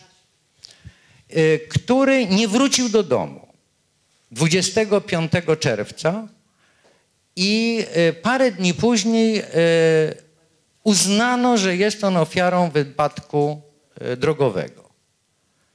E, To nie ja, to moja e, żona Hanka tam e, szturmowała tych kozaków kilka razy i nigdy nie udało się, nawet jej nie wyrzucili, ale nigdy nie udało się przekroczyć tej granicy, żeby oni powiedzieli, co oni wiedzą. Był tylko taki tekst w tle, e, no my mamy jeszcze jednego syna. Syna.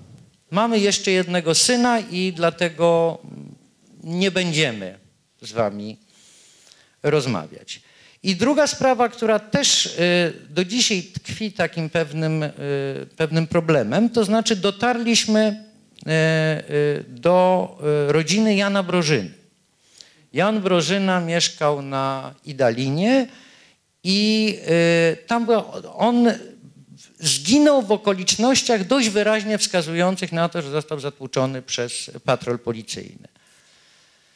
E, najpierw aresztowano jego szwagra, brata jego żony i ten e, mm, mniej więcej rówieśnik. Zresztą to też jest, dosyć, to też jest bardzo charakterystyczne. Wszystkie opowieści o Brożynie z Brożyną związane zaczynały się od czasownika wypilim, a potem były e, różne rzeczy. Mm, e, On został zwolniony, jeżeli dobrze pamiętam, w październiku czy w listopadzie, ale za zabójstwo Brożyny zostały skazane trzy osoby. Ja pamiętam dwa nazwiska, to znaczy Skurkiewicz to była kobieta i człowiek nazwiskiem Piasecki. Był w tej sprawie trzeci, który miał się powiesić w śledztwie już na Rakowieckiej. Śledztwo zostało przeniesione do Warszawy i on siedział na Rakowieckiej i w śledztwie miał się powiesić. Skurkiewiczowa i Piasecki dostali dość duże wyroki, liczone w wielu, wielu latach. To jest Zupełnie nie próbowałem w 1981 roku się dowiedzieć, jaki jest finał sprawy, ale się nie dowiedziałem i do dzisiaj mam poczucie pewnego takiego braku. To znaczy mam wrażenie, że jesteśmy im winni do końca e, e, wyjaśnienie tej sprawy. E, Natomiast jeszcze na chwilę wracając do e, kościoła i do księży, to oni z nami współpracowali na kilka sposobów. To znaczy na ogół e, udzielać, znaczy jedna rzecz ma pewne znaczenie. Oni lepiej wiedzieli, o kogo pytamy. To znaczy, myśmy mówili o tym, że to są ludzie, którzy są poszkodowani, robotnicy, tam te no, no, a oni wiedzieli, że właśnie to jest element, który y, y, pani opisywała. To jest dokładnie tak, że oni wiedzieli, o kogo my pytamy, a myśmy nie wiedzieli. Myśmy się tego dopiero uczyli stopniowo. Że to chodzi, rzeczywiście to żaden robotnik, żaden protest, to rzeczywiście taka, no, i stąd pewien dystans, który oni do tego wszystkiego mieli. To jest jedna rzecz. A druga rzecz, że jak już żeśmy się z nimi, z tymi księżmi porozumieli, to na pewno pomagali. To było tak, że na przykład Brożynowa dostawała kasę od swojego proboszcza. Nie tylko ode mnie, ale także od swojego proboszcza te, to wsparcie jakieś dostawała. Więc przy całym y, y, można dyskutować, czy Kościół znalazł się, nie znalazł się. To nie, ja nie chcę tu przesądzać. Być może biskupi mogli więcej, być może biskup radomski mógł zrobić, wtedy sandomierski mógł zrobić coś więcej. Natomiast oskarżanie księży radomskich o to, że nic nie zrobili, jest po prostu y, nieprawdą. To, to było tak, że oni być może trochę, y, nie chcę powiedzieć naciskani przez nas, w każdym razie jak się zjawiał problem w postaci tego studenta, który mówił, że ja tu z kulu i z koru jestem i u księdza w parafii to mieszka taki i taki, tam on nie ma z czego żyć, no to on się zbierał, szedł i starał się pomóc. To z całą pewnością tak to działało. Nie wiem, myślę, że... Dzięki. I ja bym poprosił tylko jeszcze, bo tam cały czas było my. To znaczy, kto tam z Lublina jeszcze? Po nazwisku, tak, parę osób chociaż. Znaczy, ja się wtedy tak zaprzyjaźniłem y, z y, y, Anną Żurawską, że jest o trzy lata później wzięliśmy ślub i do dzisiaj jesteśmy szczęśliwym małżeństwem. Więc to my to będzie na pewno Anna Żurawska, to będzie na pewno y, Andrzej Urmański, człowiek, który bardzo pilnował, żeby y, pozostać z dystansem do tego wszystkiego. E, Piotrek Kałużyński, e, raz albo dwa razy Zdzisiek Bradel, e, raz albo dwa razy Andrzej Nastula, e, Piotr, którego nazwiska nie pamiętam, Piotr Kałużyński, e, którego nazwisko pamiętam. My to znaczyło wtedy tyle. E, Myśmy byli uczestnikami, e, Bogdan już skończył studia. Bogdan od 76 roku i myśmy nie, znaczy myśmy byli na takim, e, myśmy byli w ogóle związani z duszpasterstwem akademickim ojca Ludwika, mm, który akurat o rzeczy całej wiedział, natomiast nie był, że tak powiem, mistrzem ceremonii akurat w tej sprawie. Myśmy byli na obozie w Świętej, a na obozie, na takich rekolekcjach, takim, letni, takim letnim spotkaniu w Świętej Annie koło Częstochowy w 76 roku i na te, tam spotkaliśmy się dosyć przypadkowo z kobietą, o której wiem tylko tyle, że opowiadała, jak to wyglądało. Jak wyglądał ten Radom. E, Zrobiło to na nas wielkie wrażenie. E, Było to środowisko, które no pozostało powiedzmy w ogólności wobec y, ym, y, tych wydarzeń pewne, z pewnym dystansem. To znaczy oni bardziej, bardziej tam się rozmawiało o tym, jak odzyskać niepodległość, a mniej jak pomóc robotnikom w Radomiu. E, Natomiast no, ja miałem takie przekonanie, że tym robotnikom trzeba pomóc i myśmy to znaczyła część tego, e, tego ja jestem w ogóle z Gdańska, e, mm, chodziłem do jednej klasy z Olkiem Halem, Grzesiem Grzelakiem, Aramem Rybickim e, i e, nie mogę powiedzieć, że było to dokładnie to środowisko, ale w każdym razie ja z tym, z, z, z tym to, to jest moje środowisko. Jak mam powiedzieć skąd jestem, to ja jestem z duszpasterstwa akademickiego. O. Ojca Wiśniewskiego. Super, dziękuję. Jeszcze chciałem poprosić, bo widziałem Janka Cywińskiego gdzieś tam głęboko, który tu już był. Janku, jesteś?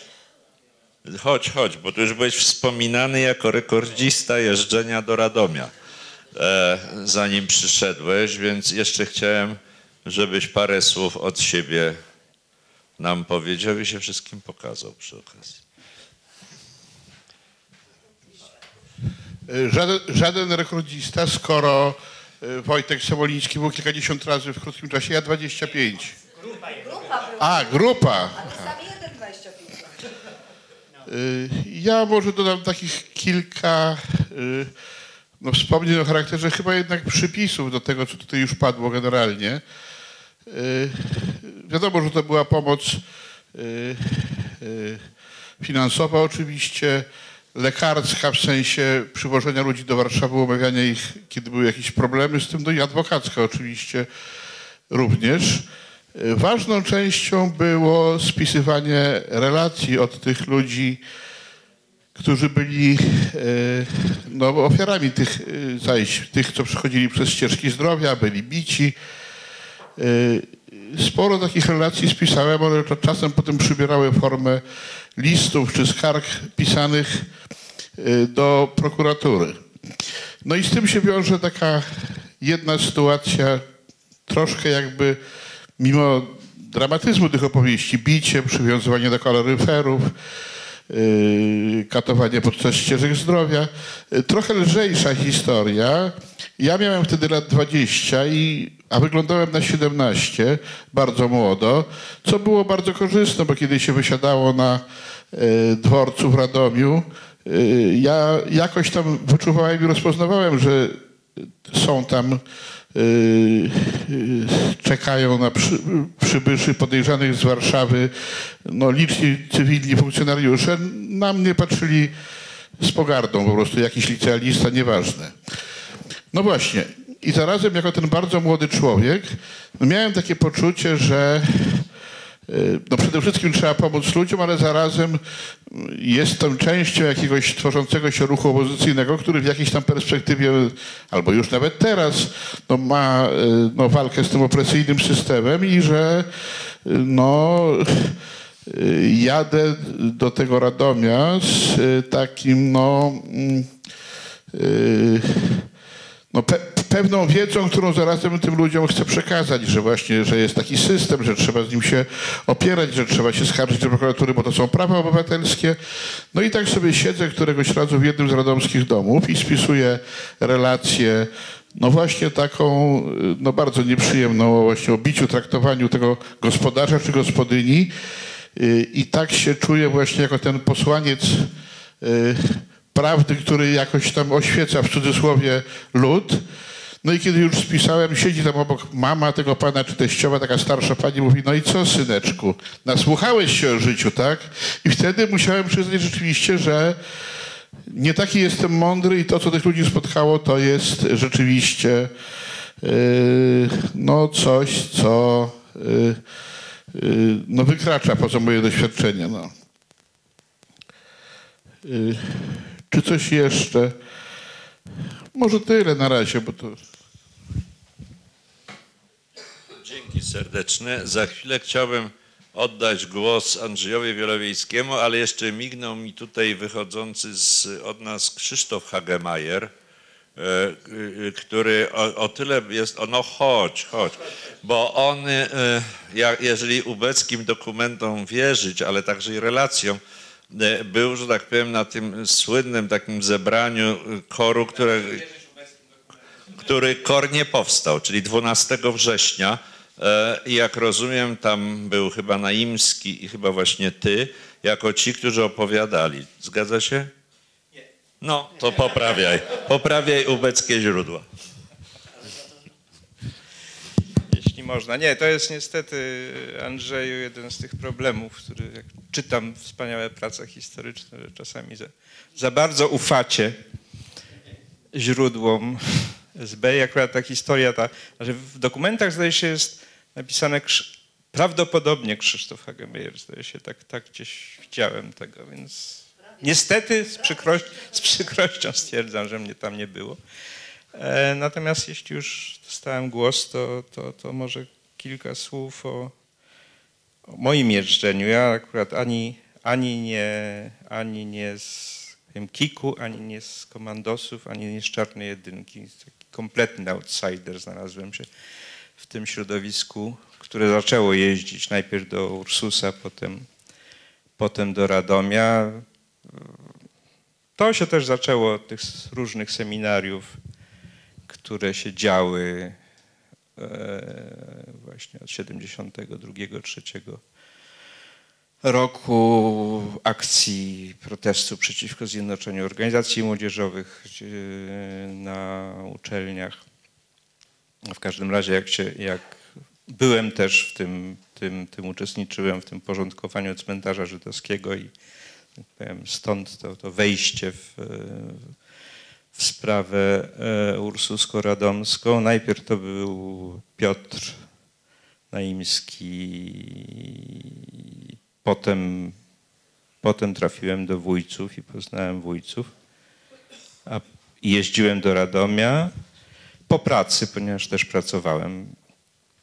E, przepraszam, do Ursusa najpierw, a potem mnie wójcowie przekazali Romaszewskim. Zacząłem jeździć do, do, do Radomia, co było o tyle wygodniejsze, że, że, że mieszkałem bardzo blisko Zbyszka i Zosi Romaszewskich, więc było, sprawozdawanie się było i odbiera, odbieranie adresów i poleceń. Moje wrażenia z tego okresu, znaczy ja przede wszystkim, tak jak już kilka osób mówiło, młodym ekonomistą tuż po studiach wtedy i ten Radom, zwłaszcza Ursus, to była trochę inna historia, natomiast Radom, gdzie zobaczyłem coś, co, co, co, co mi się wydawało, że nie istnieje w Polsce, czy slums, prawdziwe slumsy. I, i zupełnie niesamowitą biedę i ludzie mieszkający, mieszkających zupełnie trudnych do wyobrażenia dla ludzi z Warszawy e, warunkach, więc to był taki pierwsza bardzo ważna lekcja. Ja też nie miałem szczęścia, to, tak, tak to było, zwłaszcza w Radomie, że też nie trafiłem nigdy na przedstawicieli klasy robotniczej. Był to lumpen, lumpen proletariat. E, ale byli to też wspaniali ludzie i, i bardzo potrzebujący wsparcia, wsparcia i pomocy. To tyle. Bardzo dziękuję. No ale Wojtek, nie, bo każdy do, dostał po jednym, a ja jednak chciałem zaprosić Andrzeja Wielowiejskiego, poprosić, żeby mm, Andrzeju, słyszysz mnie? Teraz ciebie chciałem poprosić, żebyś powiedział, tylko nie za długo, błagam, żebyśmy jeszcze mogli potem e, ewentualnie jakieś pytania z sali. Więc robię, no, nie będę. Proszę Państwa, nie, nie czuję się, jak powiem, godny w pewnym sensie tutaj stanąć na równi razem z Wami, którzy byli na pierwszej linii. No, my tam próbowaliśmy coś robić z tyłu, coś tam wspomagać czy poprawiać. No, ale podkreślam, tak powiem, czuję się tutaj dość mocno skrępowany. A co gorsza, Andrzeju, masz rację, że mnie strofujesz z góry, bo jednak przychodzi mi i muszę się podzielić ta szersza refleksja. Proszę Państwa, y, to były wielkie dni w polskiej historii. To było wydarzenie jak istotnie zwrotne. Natomiast pamiętajmy, skąd żeśmy się wzięli. I powołam się tylko tutaj na taki szczególny autorytet generała Puzyrewskiego, który, rosyjskiego generała, który opisywał polskie powstania. Bardzo naukowo.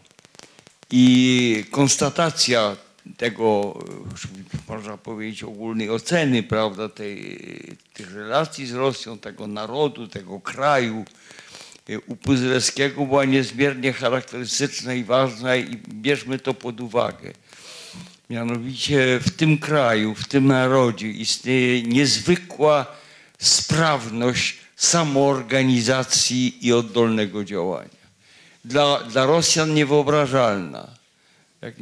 Tak było w listopad, powstaniu listopadowym, tak było w styczniowym, tak było w 1905 roku, tak było z POW, prawda? To znaczy tak, nie, nie, zna, nie wzięliście się w polskiej historii przypadkiem. Coś tutaj za nami było. A teraz ja niewiele wniosę, tylko ale to, co uważam za konieczne, żeby uzupełnić. Jeżeli myślimy o tym jednoosobowym korze w postaci Jana Józefa, starego przyjaciela, starego kolegi, przez bardzo wiele lat żeśmy jakoś coś robili razem, czy stykali się, pamiętajcie, że od 20 lat ten człowiek naprawdę był ciężko chory na serce. I równocześnie był, tak powiem, niespożytą energią, oparciem, kasą i tak dalej. No ale pamiętajmy o tym, że on w, w każdej chwili mógł umrzeć. Trzecia rzecz, którą chcę tutaj dorzucić, to znaczy chcę wspomnieć rolę, e, duże znaczenie, on zresztą wiele rzeczy robił, naszego przyjaciela i członka zarządu klubu, Bogumiła Studzińskiego. Otóż ja się coś dowiedziałem, coś, mi, coś do mnie doszło i sprawdzałem to u Mirka Chojeckiego. I Chojecki mi to w pełni potwierdził. No, on to potwierdził, na niego się powołuje, że w pierwszych dniach lipca w Radomiu nie było jeszcze żadnego adresu, żadnego kontaktu. Tak, tak, mi, tak mi mówił Mirek.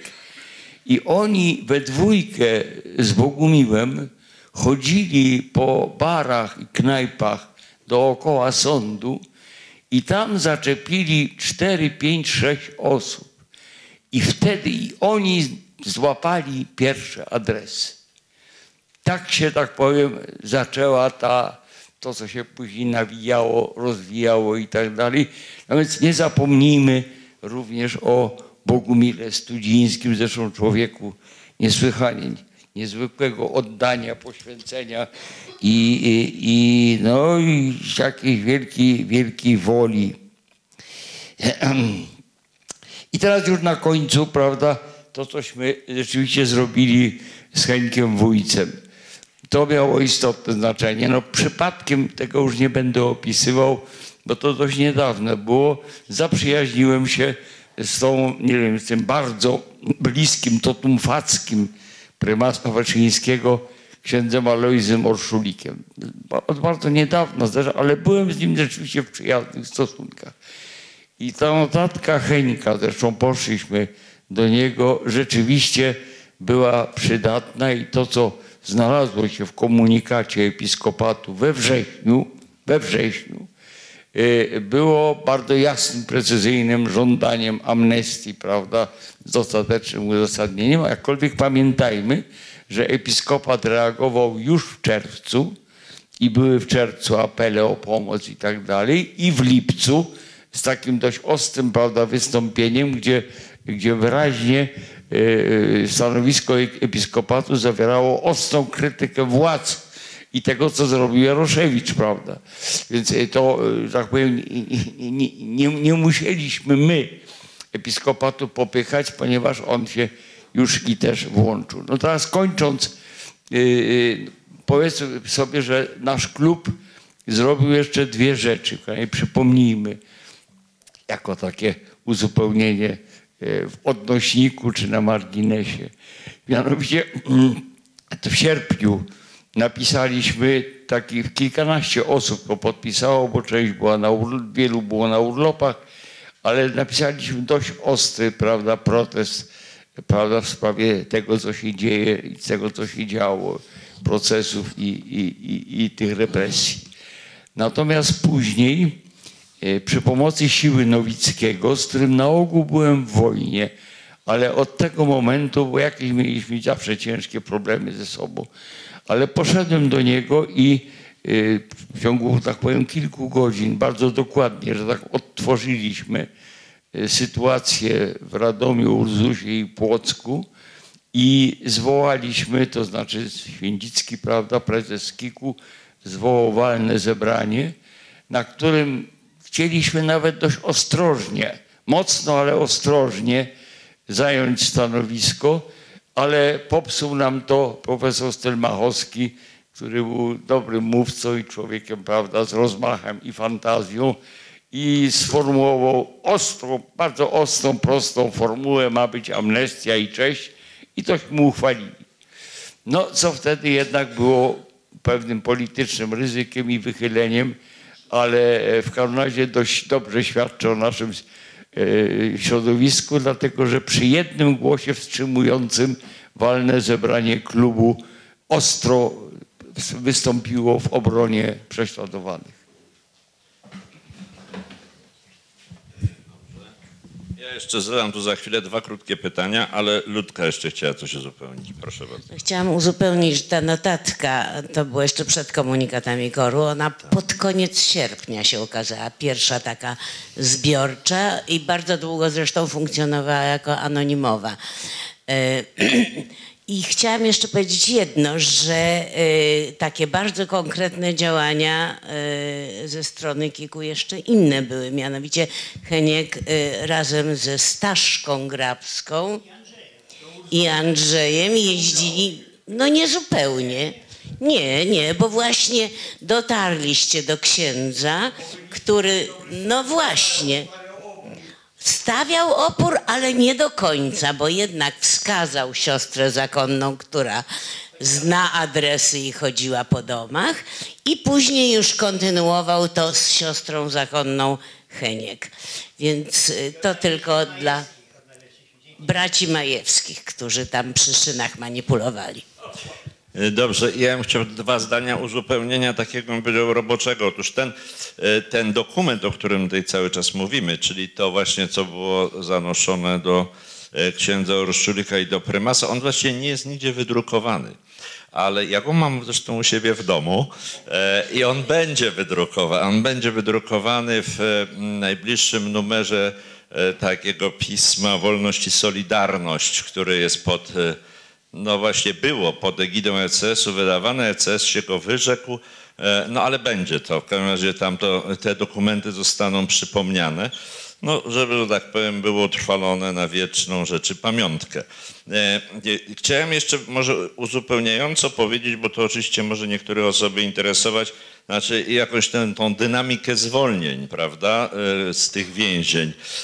E, jakie to, że tak powiem, skutki miało. Oczywiście nie tylko ta akcja, bo ona oczywiście miała skutki z tego względu, że władza no, y, y, się denerwowała, bo to jest niebezpieczne, jak obywatele takie rzeczy robią, prawda?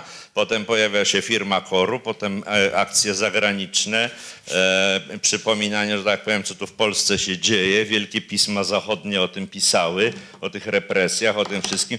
To wszystko, że tak powiem, dla władzy było kłopotliwe. Kłopotliwy też był... Właśnie to chcę w następnym zdaniu powiedzieć. Dla władzy też kłopotliwy był napisany w lipcu od razu, zaraz po, tych, po, po tym procesie e, tutaj w Warszawie, o którym była mowa, list Jacka Kuronia do Enrico Berlinguera, który został przesłany, opublikowany we Włoszech na zachodzie, stał się znany e, i nawet właściwie to może nie, nie można sobie było tego wyobrazić, jak on był skuteczny. Ja tą sprawę badałem w aktach e, KC, Wydziału Zagranicznego KC, w związku z tym to, co mówię, jest odpowiedzialne. Otóż e, po prostu Włosi się rzeczywiście zwrócili do kierownictwa PZPR, co to u was, towarzysze, się dzieje. E, Tutaj takie listy otrzymujemy, jesteśmy bardzo zaniepokojeni e, i poprosimy o wyjaśnienia. E, No i rzeczywiście e, oni zaczęli pisać wyjaśnienia. Kilka egzemplarzy tych wyjaśnień, kolejnych notatek tam w tych aktach sobie leży. Poprawki odręczne jeszcze były. E, Wreszcie we wrześniu specjalnie do Rzymu pojechał Andrzej Werblan, żeby w ślad za tym udzielić też osobistych wyjaśnień. Jednym słowem to nabrało dynamiki. Jesienią Berlinguer odmówił przyjęcia od Gierka jakiegoś, jakiegoś sztandaru, już nie pamiętam jaki był. W każdym razie to stało się poważnym problemem w relacjach z partią włoską. No a partia włoska to jest największa partia komunistyczna na Zachodzie. I oczywiście zwrotnie to powodowało, że to się wszystko zaczęło nakładać. Interwencja episkopatu, a oni nie chcieli zadrażnić z episkopatu. Powstanie koru, e, e, interwencje włoskie, strach, że, że tak powiem, to co pisze prasa zachodnia zacznie wywoływać konsekwencje gospodarcze. Tu dużo jest elementów, długo by można mówić. Krótko mówiąc, od września oni zaczęli się cofać, a nawet może od końca sierpnia. To cofanie polegało na tym, że, pewny, że zaczęto zwalniać część ludzi przedterminowo, nawet nie za bardzo dbając o podstawy prawne. Po prostu jak ich bezprawnie skazywali na trzy miesiące, tak po miesiącu ich bezprawnie zwalniali. Mimo, że nie było... I ta liczba, że tak powiem, stopniowo się zmniejszała, ale tylko do pewnego stopnia ale tylko do pewnego stopnia, bo e, z drugiej strony trzymali przecież większość, e, czy w razie kilkudziesięciu co najmniej ludzi skazanych e, wyrokami sądowymi albo będących w śledztwie, prawda, na różnych etapach postępowania karnego, no do przyszłego roku, to znaczy do lipca. A do lutego, kiedy Gierek wydał taką amnestię już głośną, znaczy prawda, była ogłoszona w mediach w Ursusie oficjalnie, prawda, z akompaniamentem, prawda, o, ogłosił wielką, e, no nie amnestię, ale mówił o akcie łaski. No to niby jest to samo, ale to nie było to samo, bo to była taka nieustawowa amnestia, polecenie pierwszego sekretarza, żeby zwalniać kogo można. I rzeczywiście zwolniono wtedy większość. Ostatecznie zachowano 10 osób, z tych robotników już tak na amen skazanych na 10-8 lat więzienia. I tu, że tak powiem, uznano, że tego zwalniać nie będą. Oczywiście można się zastanawiać dlaczego. No ja sądzę, bo po pierwsze, żeby ten aparat bezpieczniacki miał poczucie, że on dobrze robił, musi mieć jakieś ofiary w swoich rękach, żeby nie przyznać, że sądy coś niewłaściwie robiły, potwierdzić, że wszystko było korekt, a jeżeli nie siedzą, to dlatego, że no władza jest wspaniałomyślna, ale powinni siedzieć, bo to z- bandyci, prawda? Więc to rozumowanie e, konsolidowania swojego aparatu represji e, i demonstrowania nieustępliwości, ono było coraz słabsze, ale te 10 osób jednak trzymali w szponach do końca. Dopiero właśnie ta amnestia lipcowa po sprawie Pyjasa, po sprawie aresztowania 10 członków i współpracowników koru, po głodówce w kościele świętego Marcina, tak jest. No w końcu władza ustąpiła, uznała, że, tak powiem, e, ustąpi i, i prawda, amnestia jest 22 lipca 77 roku. Ale w ramach tej walki, Wojtek Onyszkiewicz mi tutaj anonsował, ja na chwilę mu dam głos, był, w ramach tej walki był taki środek nadzwyczajny, jak zebranie listu robotników Ursusa. To jest jesień 76. Ważny epizod. Sam, próby samoorganizacji. Wojtek, opowiedz. Znaczy, koniecznie chcę o tym powiedzieć, dlatego że Heniek powiedział, że nie wyrośli nam działacze z, tej, z tego zaprzyjaźnienia się w tym Ursusie, ale jednak wyrośli nam niezwykle odważni ludzie, którzy e, no, niedługo po tym, jak zostali wdeptani w ziemię, odważyli się wystąpić, w, jawnie wystąpić, podpisując imieniem i nazwiskiem listy w obronie kolegów wyrzuconych, e, wyrzuconych z pracy. Cała sprawa wzięła się w ogóle stąd, że tak jak powiedział właśnie Andrzej, władza nie miała żadnego dobrego wyjścia. W pewnym momencie zaczęła się wycofywać, być może też trochę licząc na to, żeby kor nie miał po co powstać, bo to było tuż przed korem, ale z kolei jak władza ustępuje, no to wtedy odwaga rośnie. W związku z czym tu nie ma dobrego, dobrego, dobrego wyjścia. Yy, I powstał pomysł, w pewnym momencie, no bo już ludzie zaczęli wychodzić, natomiast nie wracali do pracy. No, to był bardzo poważny problem. E, Wilczy bilet był, nie byli nigdzie, właśnie nie tylko tu, nigdzie nie byli zatrudnieni. Powstał pomysł wykonania kroku dalej. To był taki trochę pomysł w ogóle na fali zwracania się o solidarny w stosunku do koru em, wysiłek do różnych ludzi. To było w tym samym czasie, kiedy była e, kampania o powołanie komisji poselskiej do zbadania wydarzeń. Niezwykle, niezwykle ważna. Kiedy były w Radomiu te wspaniałe... Proszę. Nie, nie. Zaczęło się w listopadzie, ale się ciągnęło. To, to był... To był ten sam czas, w którym były te przepychanki z listami w e, Radomiu, no, gdzie była ta wspaniała sprawa Wijaty, który no, kilka razy odwoływał i tak dalej. I na końcu wyszło na, na, na jego. No i to był list ursuski. Z listem ursuskim było, e, było w ten sposób, że no jakoś tam pojawił się pomysł znowu zrobienia rzeczy, którą trudno by było kolegom nie podpisać, bo to był list robotników do pierwszego sekretarza partii, żeby, no że on tutaj taki dobry, pamiętasz Henik sformułowania? Nie, przyjął do pracy ich kolegów. Ich- Tak, nie ma. Żeby przyjął do pracy. To nie było żaden, żaden, żaden protest, to było do dobrego pierwszego sekretarza o to, żeby tutaj właśnie tamtym kolegom coś dobrego, coś dobrego zrobił. List był i w związku z tym trudno było taki list za niego represjonować. Trudno było takiego, e, takie, trudno było takiego listu nie podpisywać z jednej strony, a z drugiej strony oczywiście każdy wiedział, że tu przed chwilą był zmasakrowany, że wyleciał z pracy i to, to była taka sytuacja, kor przychodzi, tyle że na hali. Natomiast drugi element, który tu wyraźnie było widać, to była ta atomizacja. Ludzie na hali, jak z, z listem, chodzili jawnie, ale już między, żeby dostarczać to między jedną halą, bo tam się znali przyjaźni, ale żeby dostarczać między jedną halą a drugą, no to tymi pośrednikami byliśmy my, zjawiając się z reguły osoby, o której wiedzieliśmy, że to jest fajna, mądra, świetna e, osoba, ale nie mogliśmy się, broń Boże, powołać na osobę, która po prostu do tej osoby kierowała. I ten list miał rzeczywiście masowo, był, był podpisywany, było ich bardzo dużo, a co niezwykle ważne, jak zaczęła się kontrakcja e, UB, przesłuchiwania em, i, część jakaś tam osób się wycofała nieduża, to wkrótce potem kilkaset nowych listów się, nowych podpisów się tam e, e, znalazło. Także nie wyrośli nam działacze, ale tak naprawdę to była jedna z tych wspaniałych rzeczy. Było ponad tysiąc, e, ponad tysiąc osób, to naprawdę była, była olbrzymia sprawa. Heniek.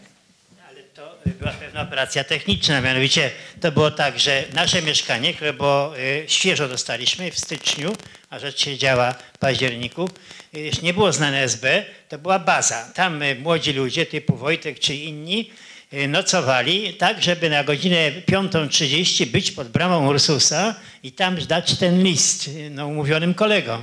No i tam ci ten list podpisywali. Te listy wracały, trzeba potem było być o godzinie e, 14, żeby odebrać ten list. One były wyśminione z marami i tak dalej, i to wszystko gromadziliśmy. Ta operacja trwała przez jakiś miesiąc mniej więcej, żeby to wszystko uzbierać, ale był sukces niesamowity, bo te tysiąc podpisów to robiło swoje. Dodatkowo to była przeciwdziałanie, bo władze znaną metodą robiły przecież te potępieńcze apele na stadionie, warchołu z Ursusa i tak dalej. Potem próbowali robić zebrania w zakładach pracy, żeby potępiać tych warchołów i tych e, chuliganów i tak dalej. I e, jak myśmy zrobili ten list, to to wszystko zamarło, bo oni nie mogli zebrać tysiąca podpisów. Oni zbierali mniej tego. Także moim zdaniem to było świetne takie przeciwdziałanie. No i rzeczywiście faktycznie ten list zadziałał, tylko najgorzej żałuję tego, że myśmy to wszystko wsadzili w kopertę, wysłali, nie zrobiliśmy żadnego ksera, bo wtedy kser nie było. No i nie wiemy, co z tym jest teraz. Dziękuję. No, ja w tego w aktach nigdzie nie widziałem, nie. Ale to mogło pójść do KC, a chociaż... Ale w KC też nie, ja też przeglądałem papiery KC. Słucham? Do Gierka. Do Gierka. Do Gierka. Na pocztę nosiliśmy. E, e, s, e, s, nie, ale, ale no nie ma śladu po oryginale, ale o tym było w komunikatach koru na bieżąco i treść tego dokumentu, tego listu jest w komunikacie koru. No, no listy nazwisk to nie ma. No tak, to li- listy nazwisk nie ma rzeczywiście. E, e, proszę e, Państwa, znaczy e, ja bym chciał, proszę właśnie, czy ktoś ma, bardzo proszę, pan Sasanka, bardzo proszę, zaczyn. Tam mikrofonów chyba nie ma, to muszę ten, co ja trzymam w ręku udostępnić. A jeszcze Ludka ma jeden.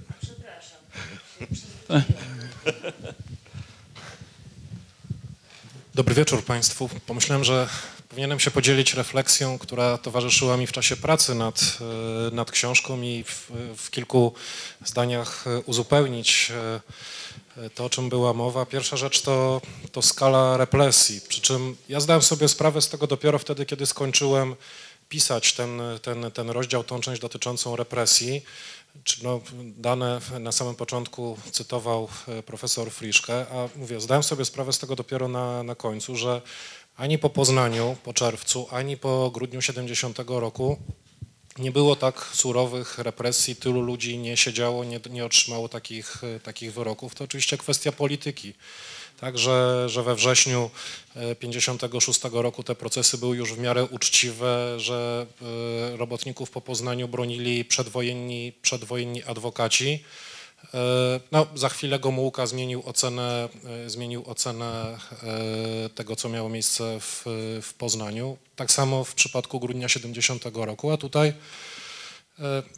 ekipa została i miała dużo czasu na to, żeby po pierwsze się mścić, po drugie ukształtować swoją, swoją własną narrację tego, co miało miejsce, tego, co miało miejsce w czerwcu. I do tej pory pamiętam rzecz, która zrobiła na mnie wielkie, wielkie wrażenie a propos skali e, zastraszenia. To znaczy no, w czasie jednego z wieców, to miało miejsce i w Radomiu, i, i w Ursusie, SB realnie obawiała się tego, że ktoś z tych ludzi spędzonych na ten wiec y, na, w Radomiu może się podpalić. To znaczy pamiętała to, co miało miejsce na stadionie y, dziesięciolecia w 1968 roku, protest Ryszarda Siwca i, i wśród y, y, i na płycie stadionu znalazło się kilka patroli straży strażackich z kocami azbestowymi, jak to określano w dokumentach, na wypadek zapruszenia, zapruszenia ognia, co dosyć dobrze oddaje skalę e, no i zastraszenia i tego, że nawet SB no, jak gdyby zdawała sobie sprawę z tego, mm, jak to, jak to wyglądało. Natomiast jeśli chodzi o akcję,